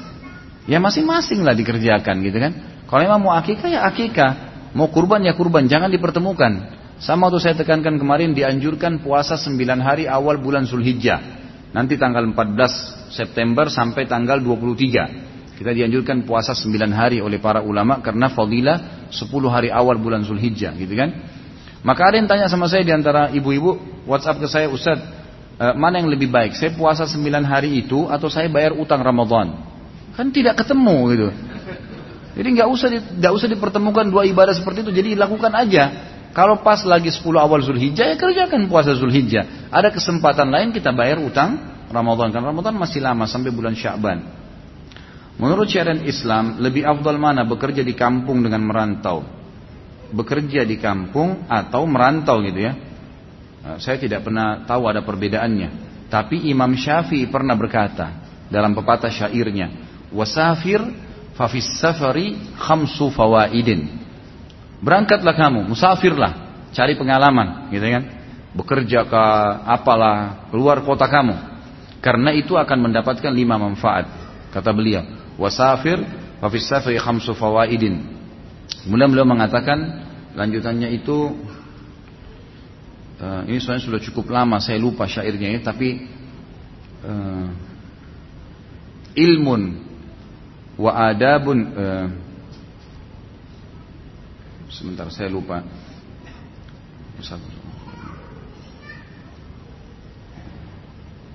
tapi yang jelas dikatakan itu ada ilmu, engkau dapat ilmu, engkau dapat adab, dan engkau dapat sahabat yang dekat. Serta engkau akan mendapatkan pengalaman. Ada lagi satu, saya lupa, mohon maaf, saya tidak teringat, tapi syairnya masyhur sekali. Kalau dari syair Imam Syafi'i ini berarti kita dianjurkan memang safar, gitu kan? Merantau. Tapi kalau di kampung halaman kita sudah Allah bukain, Alhamdulillah, sudah sukses, sudah segala, ya cukup kan, tidak ada masalah. Toh dunia akan kita laluin, mau hidup di mana pun itu tidak ada masalah. Di surga itu yang kita nyesal kalau tertinggal derajat. Kalau di bumi nggak ada masalah. Pernah mendengar hadis mengenai memotong rambut yang kurang. Yang kurang lebih bunyinya potonglah seluruhnya atau biarkan seluruhnya. Yang mana saya mau, ya, yang mau saya tanya apakah memotong itu harus sama panjang atau tidak. Setahu saya hadis ini memang menjelaskan hadis ini sahih. Hadis ini menjelaskan tentang pen, e, dianjurkannya setiap muslim memotong rambut yang sama panjang. Jadi tidak boleh misalnya di sini botak, di sini ada gitu, di sini botak, di sini ada gitu. Yang sering dibuat-buat itu nggak boleh. Jadi sama rata. Dalam Islam itu dianjurkan Nabi SAW menganjurkan agar semua muslim memotong rambutnya sama rata. Ya. Jadi nggak usah gila-gilaan ikuti pemain bola, ikutin apa itu nggak perlu. Kalau memberi uang kepada karyawan Ana, bolehkah diniatkan sebagai sadaqah? Misal Ana memberikan uang ke karyawan Ana karena anak karyawan Ana sedang sakit. Jadi untuk membantu biaya pengobatan, tentu saja. Tentu saja boleh sedekah. Bahkan kalau kita punya zakat mal dan dia memang termasuk orang yang tidak mampu itu boleh dialokasikan kepada mereka. Pada saat Anda menjual rumah, ada pihak ada pihak atau orang yang minta fee, padahal orang tersebut tidak ada jasa apa-apa. Tapi karena orang tersebut terus-terusan minta, bolehkah Anda kasih uang tapi Anda niatkan untuk sedekah? Boleh saja. Tidak ada masalah insya Allah. Saat dulu sebelum anak kenal dakwah sunnah, anak pernah melakukan pacaran.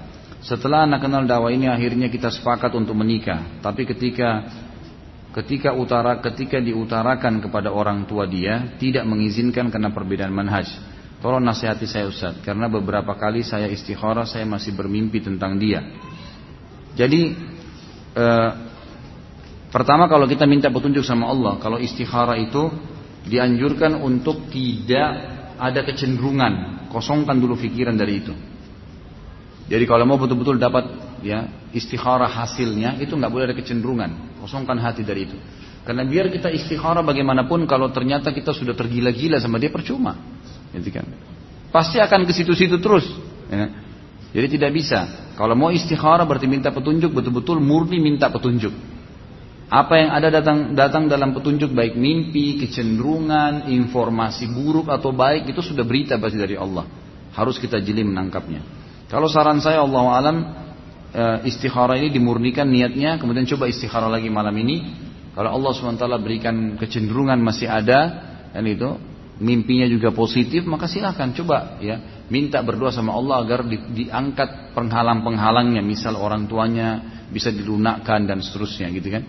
Kalau tidak maka harus berbesar hati. Tidak harus berarti dulu pernah pacaran kemudian harus dinikahi, tidak harus ke situ, gitu kan? Tapi kalau memang kecenderungan ada ya dilakukan upaya semaksimal mungkin. Kita masih selama masih belum jadi istrinya orang masih bisa kita kan berusaha gitu kan. Istilahnya begitu. Apakah hadis yang diriwayatkan oleh Abdullah bin Abbas bahwa Rasulullah SAW bersabda yang maksudnya bahwa malaikat maut memperhatikan wajah manusia di muka bumi 70 kali adalah hadis yang dhaif? Ia didaifkan oleh para ulama. Ada beberapa dia memiliki banyak riwayat, banyak sekali riwayatnya. Kalau tidak salah lebih dari empat atau lima riwayat berhubungan dengan hadis ini. Tapi semuanya rata-rata lemah. Ada yang menolak total hadis ini, ada yang mengatakan hadis ini bisa dipegangi, ya. Tetapi dia, dia secara makna, secara makna. Umumnya dikatakan oleh ulama dhaif. Memang lemah hadis ini. Lima-limanya kalau salah semuanya lemah. Bagaimana hukumnya bagi bayi laki-laki bagi laki-laki yang menikah tanpa mendapat restu ibu namun alasan ibu karena e, hal yang syar'i, bukan bukan karena hal yang syar'i. Setahu saya tidak ada masalah insya Allah ya, karena orang tua itu tidak boleh mencampuri sampai ke masalah pernikahan. Jadi tidak boleh juga sebagai orang tua mungkin ya teman-teman yang hadir di sini satu waktu nanti anda juga insya Allah kita akan tua semuanya dan anak-anak juga nanti akan besar dan mereka akan menikah. Kita sebagai orang tua tidak boleh mencampuri pernikahan anak-anak kecuali memberikan saran. Kalau memang sudah ada orang yang cocok, yang agamanya baik, kita nggak boleh egois. Biarkan mereka jalan. Kita kan sudah tugas amanah memelihara mereka hanya sampai mereka menikah. Setelah menikah sudahlah. Terutama anak perempuan ya. Karena kata Nabi SAW, siapa yang punya anak perempuan dan dididik dengan baik secara agama, sampai menikah dijamin baginya surga. Udah, lepas tangan, lebih baik. Gitu kan? Itu lebih baik, nggak usah ditahan, nggak usah menjadi penyebab akhirnya anak-anak kita jadi terbengkalai dan tidak menikah. Tentu saya sarankan ah ini, apalagi di sini pertanyaan sudah menikah, tetap mencari ridho ibu, tetap berusaha untuk bisa merangkul ibu, meminta ridhonya itu tetap saja, gitu kan? Tapi apakah nikahnya sah-sah? Karena tidak ada syarat ibu harus tuju, gitu kan? Tapi yang harus mengiyakan pernikahan kalau uh, anak perempuan ayahnya, gitu kan? Ayahnya ayah dan ibu akan terlepas ya, dari masalah e, permintaan persetujuan ini kalau mereka menolak tanpa udur syar'i. Ya, tidak ada udur syar'i. Mereka nolak hanya karena ini terlalu anulah, nggak usah dianggap ini laki-lakinya apa namanya terlalu alim atau apalah ya perempuannya jilbabnya terlalu besar dan seterusnya ditolak maka itu bukan udur syari boleh tetap e, dilakukan dan itu bukan berarti durhaka dengan orang tua apa yang dimaksud dengan dakwah sunnah sudah saya jelaskan tadi apa hukumnya saya menjalankan tugas kuliah pada jam kerja kantor? Ya, itu tidak boleh. Ya, tidak boleh. Kalau fasilitas kantor memang sudah disepakati ini fasilitas kantor untuk kerjaan kantor nggak boleh kecuali memang anda sudah bicara. Ini pada saat saya lagi lowong nih, Jam 1 sampai jam 2 memang ada waktu istirahat atau jam 12 sampai jam 1. Selain makan siang 15-20 menit misalnya dipakai, masih ada 40 menit. Bisa nggak saya kerjain tugas kuliah saya? Dibahasakan sama pimpinan Anda. Kalau dia bilang, oh nggak apa-apa, selama masa istirahat nggak apa-apa ya sudah. Tapi tidak boleh fasilitas kantor dipakai untuk umum, nggak boleh kecuali izin. Nggak boleh polpen dibawa pulang ke rumah, dibagi-bagi untuk ponakan, bawa buku, amplop dibawa pulang, ini semua nggak boleh. Haram gimana caranya? Fasilitas kantor nggak boleh. Bagaimana cara yang baik untuk mengajak teman atau saudara ke kajian sunnah? Tawarkan saja. Cuma tugas kita menawarkan. Selebihnya kita tidak punya kewenangan lagi. Bolehkah menghadiri pernikahan non muslim? Saran saya jangan. Saran saya jangan. Karena itu acara ritual. Itu acara ritual. Sebaiknya jangan. Tapi kalau dia lagi sakit, bolehkah kita jenguk orang non muslim? Boleh. Kalau sakit, Nabi SAW pernah menjenguk anak Yahudi yang sakit kan? Boleh kalau sakit. Atau dia lagi butuh kita berikan, gitu kan? Ada sesuatu yang dibutuhkan, rumahnya lagi banjir kita bantu itu nggak masalah. Jangan berhubungan dengan masalah ibadahnya. Pernikahan berhubungan dengan ibadah. Saya punya penyakit sinusitis dan dianjurkan untuk operasi. Namun operasinya menggunakan alat yang namanya apa ini? Chotter. Alat ini digunakan untuk memotong daging di dalam hidung agar tidak terjadi pendarahan di dalam hidung. Bagaimana hukumnya Ustaz? Apakah ini disebut dengan penyembuhan dengan api atau besi? Setahu saya nggak ada masalah. Ini soalnya memang kalau dibutuhkan untuk operasi itu tidak ada masalah. Karena di, di zaman para sahabat dulu ada e, penyakit yang pernah saya ceritakan itu gargarina yang sampai harus diamputasi kaki misalnya kan dipotong. Dan itu dibolehkan, tidak ada sahabat yang menanggapinya karena memang kalau tidak maka akan berbahaya bagi dia. Setahu saya tidak ada masalah insya Allah. Ustaz bila kita terhinda, tertinggal sholat berjamaah dengan imam, eh, tapi tetap ke masjid, apa kita juga melaksanakan sholat jamaah? Karena ada kaidah yang mengatakan tidak ada sholat jamaah bila sholat telah dilaksanakan dengan imam tetap. Apakah kaidah ini benar? Tentu saja tetap kalau sholat berjamaah ada kita sholat berjamaah tetap saja. Kaidah ini bukan seperti itu yang saya pahami ya. Kaidahnya adalah tidak ada sholat berjamaah dengan tidak ada dua imam dalam satu sholat. Jadi kalau ada lagi sholat berjamaah di sana kita ikut di sana jangan buat jemaah baru. Itu ada kaidahnya yang saya tahu. Tapi kalau sholat terlat kemudian berjamaah itu dianjurkan hadis Bukhari yang pernah saya jelaskan. Ada sahabat masuk ke masjid kemudian telat sendirian. Waktu dia mau takbir Nabi bilang sebentar siapa yang mau bersedekah? Lalu Abu Bakar berdiri mengatakan saya Rasulullah. Lalu Abu Bakar pun sholat dengan dia. Berarti Nabi suruh dia berjamaah kan? Itu dibolehkan. Tetap mendapatkan fadilah itu. Berapa persen zakat yang wajib kita keluarkan ketika menjual rumah? Kalau um, penjualan rumah dan harta yang diinvestasikan dan yang ditabung itu nanti satu haul, satu tahun baru dikeluarkan, diakumulasi dengan total harta kita, diakumulasi dengan total harta. Jadi nggak ada begitu laku langsung berkeluarin zakat itu nggak ada. Misal haul kita dari Ramadan ke Ramadan atau Januari ke Januari. Maka apa pun yang kita dapatkan, misalnya bulan Syawal jual rumah tiga, uh, bulan uh, apa namanya Zulhijjahnya misalnya transaksi mobil untung, kemudian mungkin bulan Muharramnya rugi dan seterusnya. Terus berkecamuk dibiarkan sampai nanti bulan Ramadan akan datang, baru kita tutup buku. Kalau ada harta yang tersimpan, dilihat nisabnya sampai nggak 85 gram emas, ada sampai dikeluarin zakat 2,5 Tidak, bangkrut rugi nggak ada zakatnya. Jadi kalau dikeluarkan pun pada saat keuntungan, pada saat terjual itu hanya sekedar sadaqah, bukan zakat namanya. Bolehkah kita mengucapkan salam sambil mengangkat tangan? Saya tidak tahu, tidak pernah melihat, tidak eh, pernah menemukan dalil ya. Tapi insya Allah ini tidak ada masalah. Kalau memang kita mau, biasanya angkat tangan itu kan memberikan isyarat supaya dia lihat ke arah kita ya. Tapi kalau memang mengangkat tangan itu dianggap adalah hal yang diperlukan, maka itu sesuatu yang biasa saja. Insya Allah tidak apa-apa. Bolehkah kita berkurban diniatkan untuk orang tua yang telah meninggal? Ini khilaf di antara ulama. Beranjak daripada hadis yang Nabi SAW mengatakan ini waktu beliau mau sembeli kambing ini untukku dan umatku yang belum ya berkurban. Ada pendapat yang mengatakan ini maksudnya adalah umat Muhammad SAW yang masih hidup, ya, kan? yang masih hidup sehingga yang tidak punya kemampuan berkurban Nabi sekalian berkurban untuk mereka. Dan pendapat ini mengatakan ini khusus untuk Nabi SAW. Jadi Nabi saja yang lakukan, orang lain tidak bisa lakukan. Ini pendapat yang pertama. Pendapat kedua mengatakan bahwasanya ini dia maksud adalah semua umatnya yang hidup atau yang meninggal. Karena sabda Nabi SAW ini untukku dan untuk umatku yang belum berkurban. Umatku sini masuk yang sudah meninggal atau yang masih hidup. gitu kan?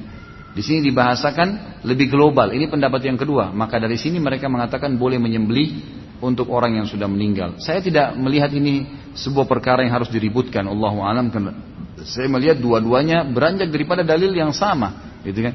Dan saya sudah bilang kaidahnya tadi selama ada dalilnya kita boleh berpegang teguh padanya. Jadi kita mengucapkan salam namun tidak ada yang jawab. Bolehkah kita menjawab salam kita sendiri? Setahu saya tidak perlu. Tidak perlu karena memang kita diperintahkan hanya mengucapkan salam saja. Dalam pelaksanaan sholat apa ini?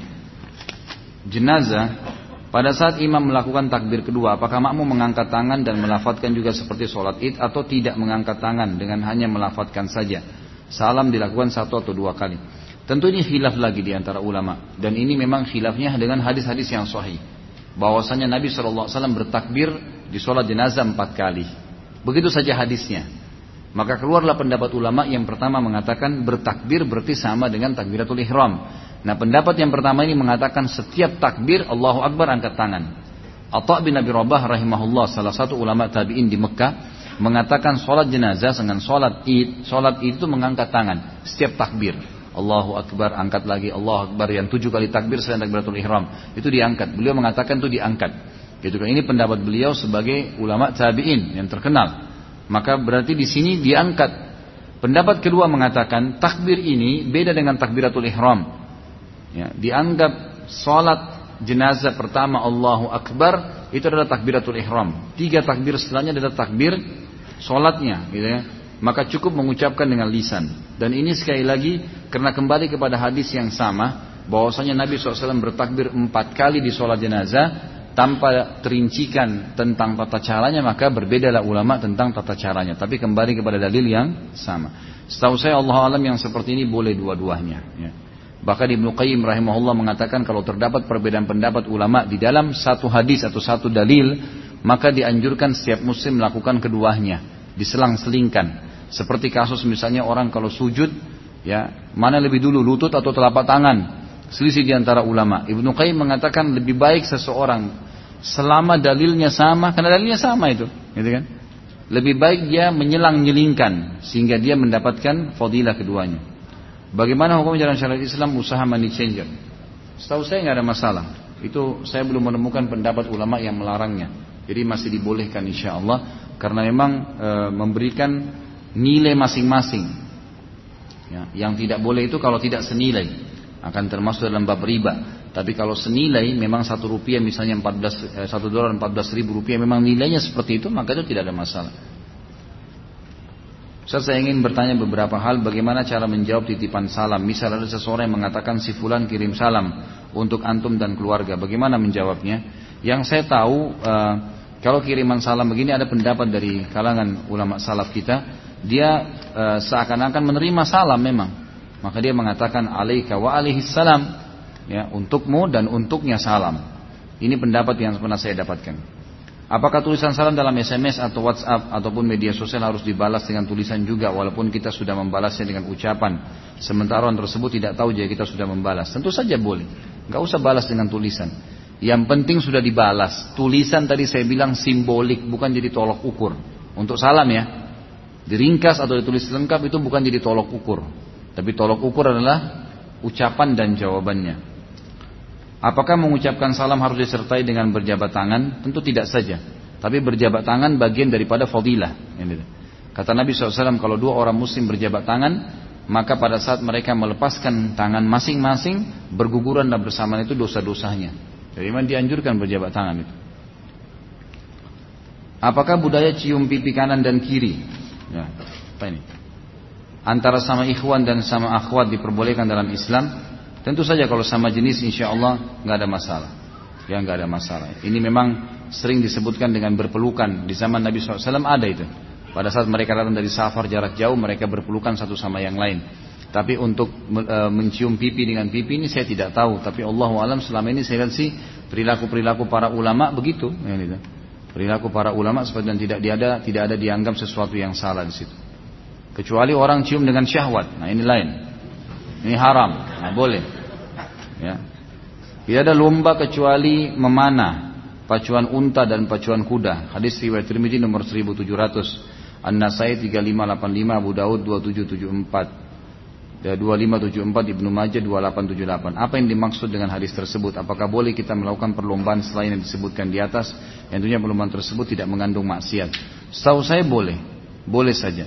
Jadi makna hadis ini dianjurkan seseorang itu untuk meningkatkan keterampilannya dengan cara berlomba, ya dengan cara berlomba. Karena Nabi SAW gemar e, menyuruh para sahabatnya untuk berlomba dalam beberapa praktik olahraga tertentu. Allahu alam seperti gulat, memanah, melempar tombak. Tapi kalau kita berlomba dengan hal-hal yang tidak bau maksiat, insya Allah tidak ada masalah. Seperti e, gulat itu misalnya dikiaskan dengan bela diri kalau kita sekarang mungkin orang sparring untuk melatih keterampilannya semua itu insya Allah tidak ada masalah. Allahu alam itu yang saya tahu. Mohon maaf ini yang lainnya saya tidak baca dulu, saya simpan untuk yang akan datang insya Allah. Mudah-mudahan tidak kecewa ya yang bertanya karena saya harus tutup sekarang mengantar istri saya ke dokter dulu. Ada periksa karena Alhamdulillah Allah karuniahi hamil dan mudah-mudahan Allah mudahkan melahirkan insya Allah. Baik, sampai sini kita tutup. Mudah-mudahan seluruh dosa yang pernah dikerjakan oleh mata kita, telinga kita, mulut kita, lidah kita, tangan, telapak kaki dan kemaluan kita semua diampuni oleh Allah Subhanahu wa taala, semuanya diganti dengan pahala, semua orang yang sakit disembuhkan penyakitnya, semua orang yang jadi utang dilunasi utangnya, serta seluruh muslimin yang sedang tertindas di mana pun mereka berada, semoga Allah berikan kemenangan di Palestina, di Syria, di Irak, di Yaman, di Myanmar, dan Allah partisipasikan kita bersama mereka di pahala baik dengan doa, dengan jiwa dan harta kita, dan semoga Allah satukan kita di surga firdosnya tanpa hisab, sebagaimana Allah satukan kita di majlis yang mulia ini. Kalau benar dari Allah, pada salah dari saya mohon dimaafkan dan insya Allah saya mengundang ikhwah akhwat untuk datang di tablik akbar kita hari Ahad nanti. Pekan ini insya Allah tanggal 6 itu tablik akbar serial sahabat tentang Abdurrahman ibn Auf. Serial sahabat kita yang ke-7 insya Allah dari yang sering kita buat setiap uh, bulan uh, setiap bulannya sekali. Mudah-mudahan Allah berkahi dan juga mudah-mudahan Allah mudahkan. Mungkin begitu. Subhanakallahumma wa bihamdika asyhadu an la ilaha illa anta astaghfiruka wa atubu ilaik. Wassalamualaikum warahmatullahi wabarakatuh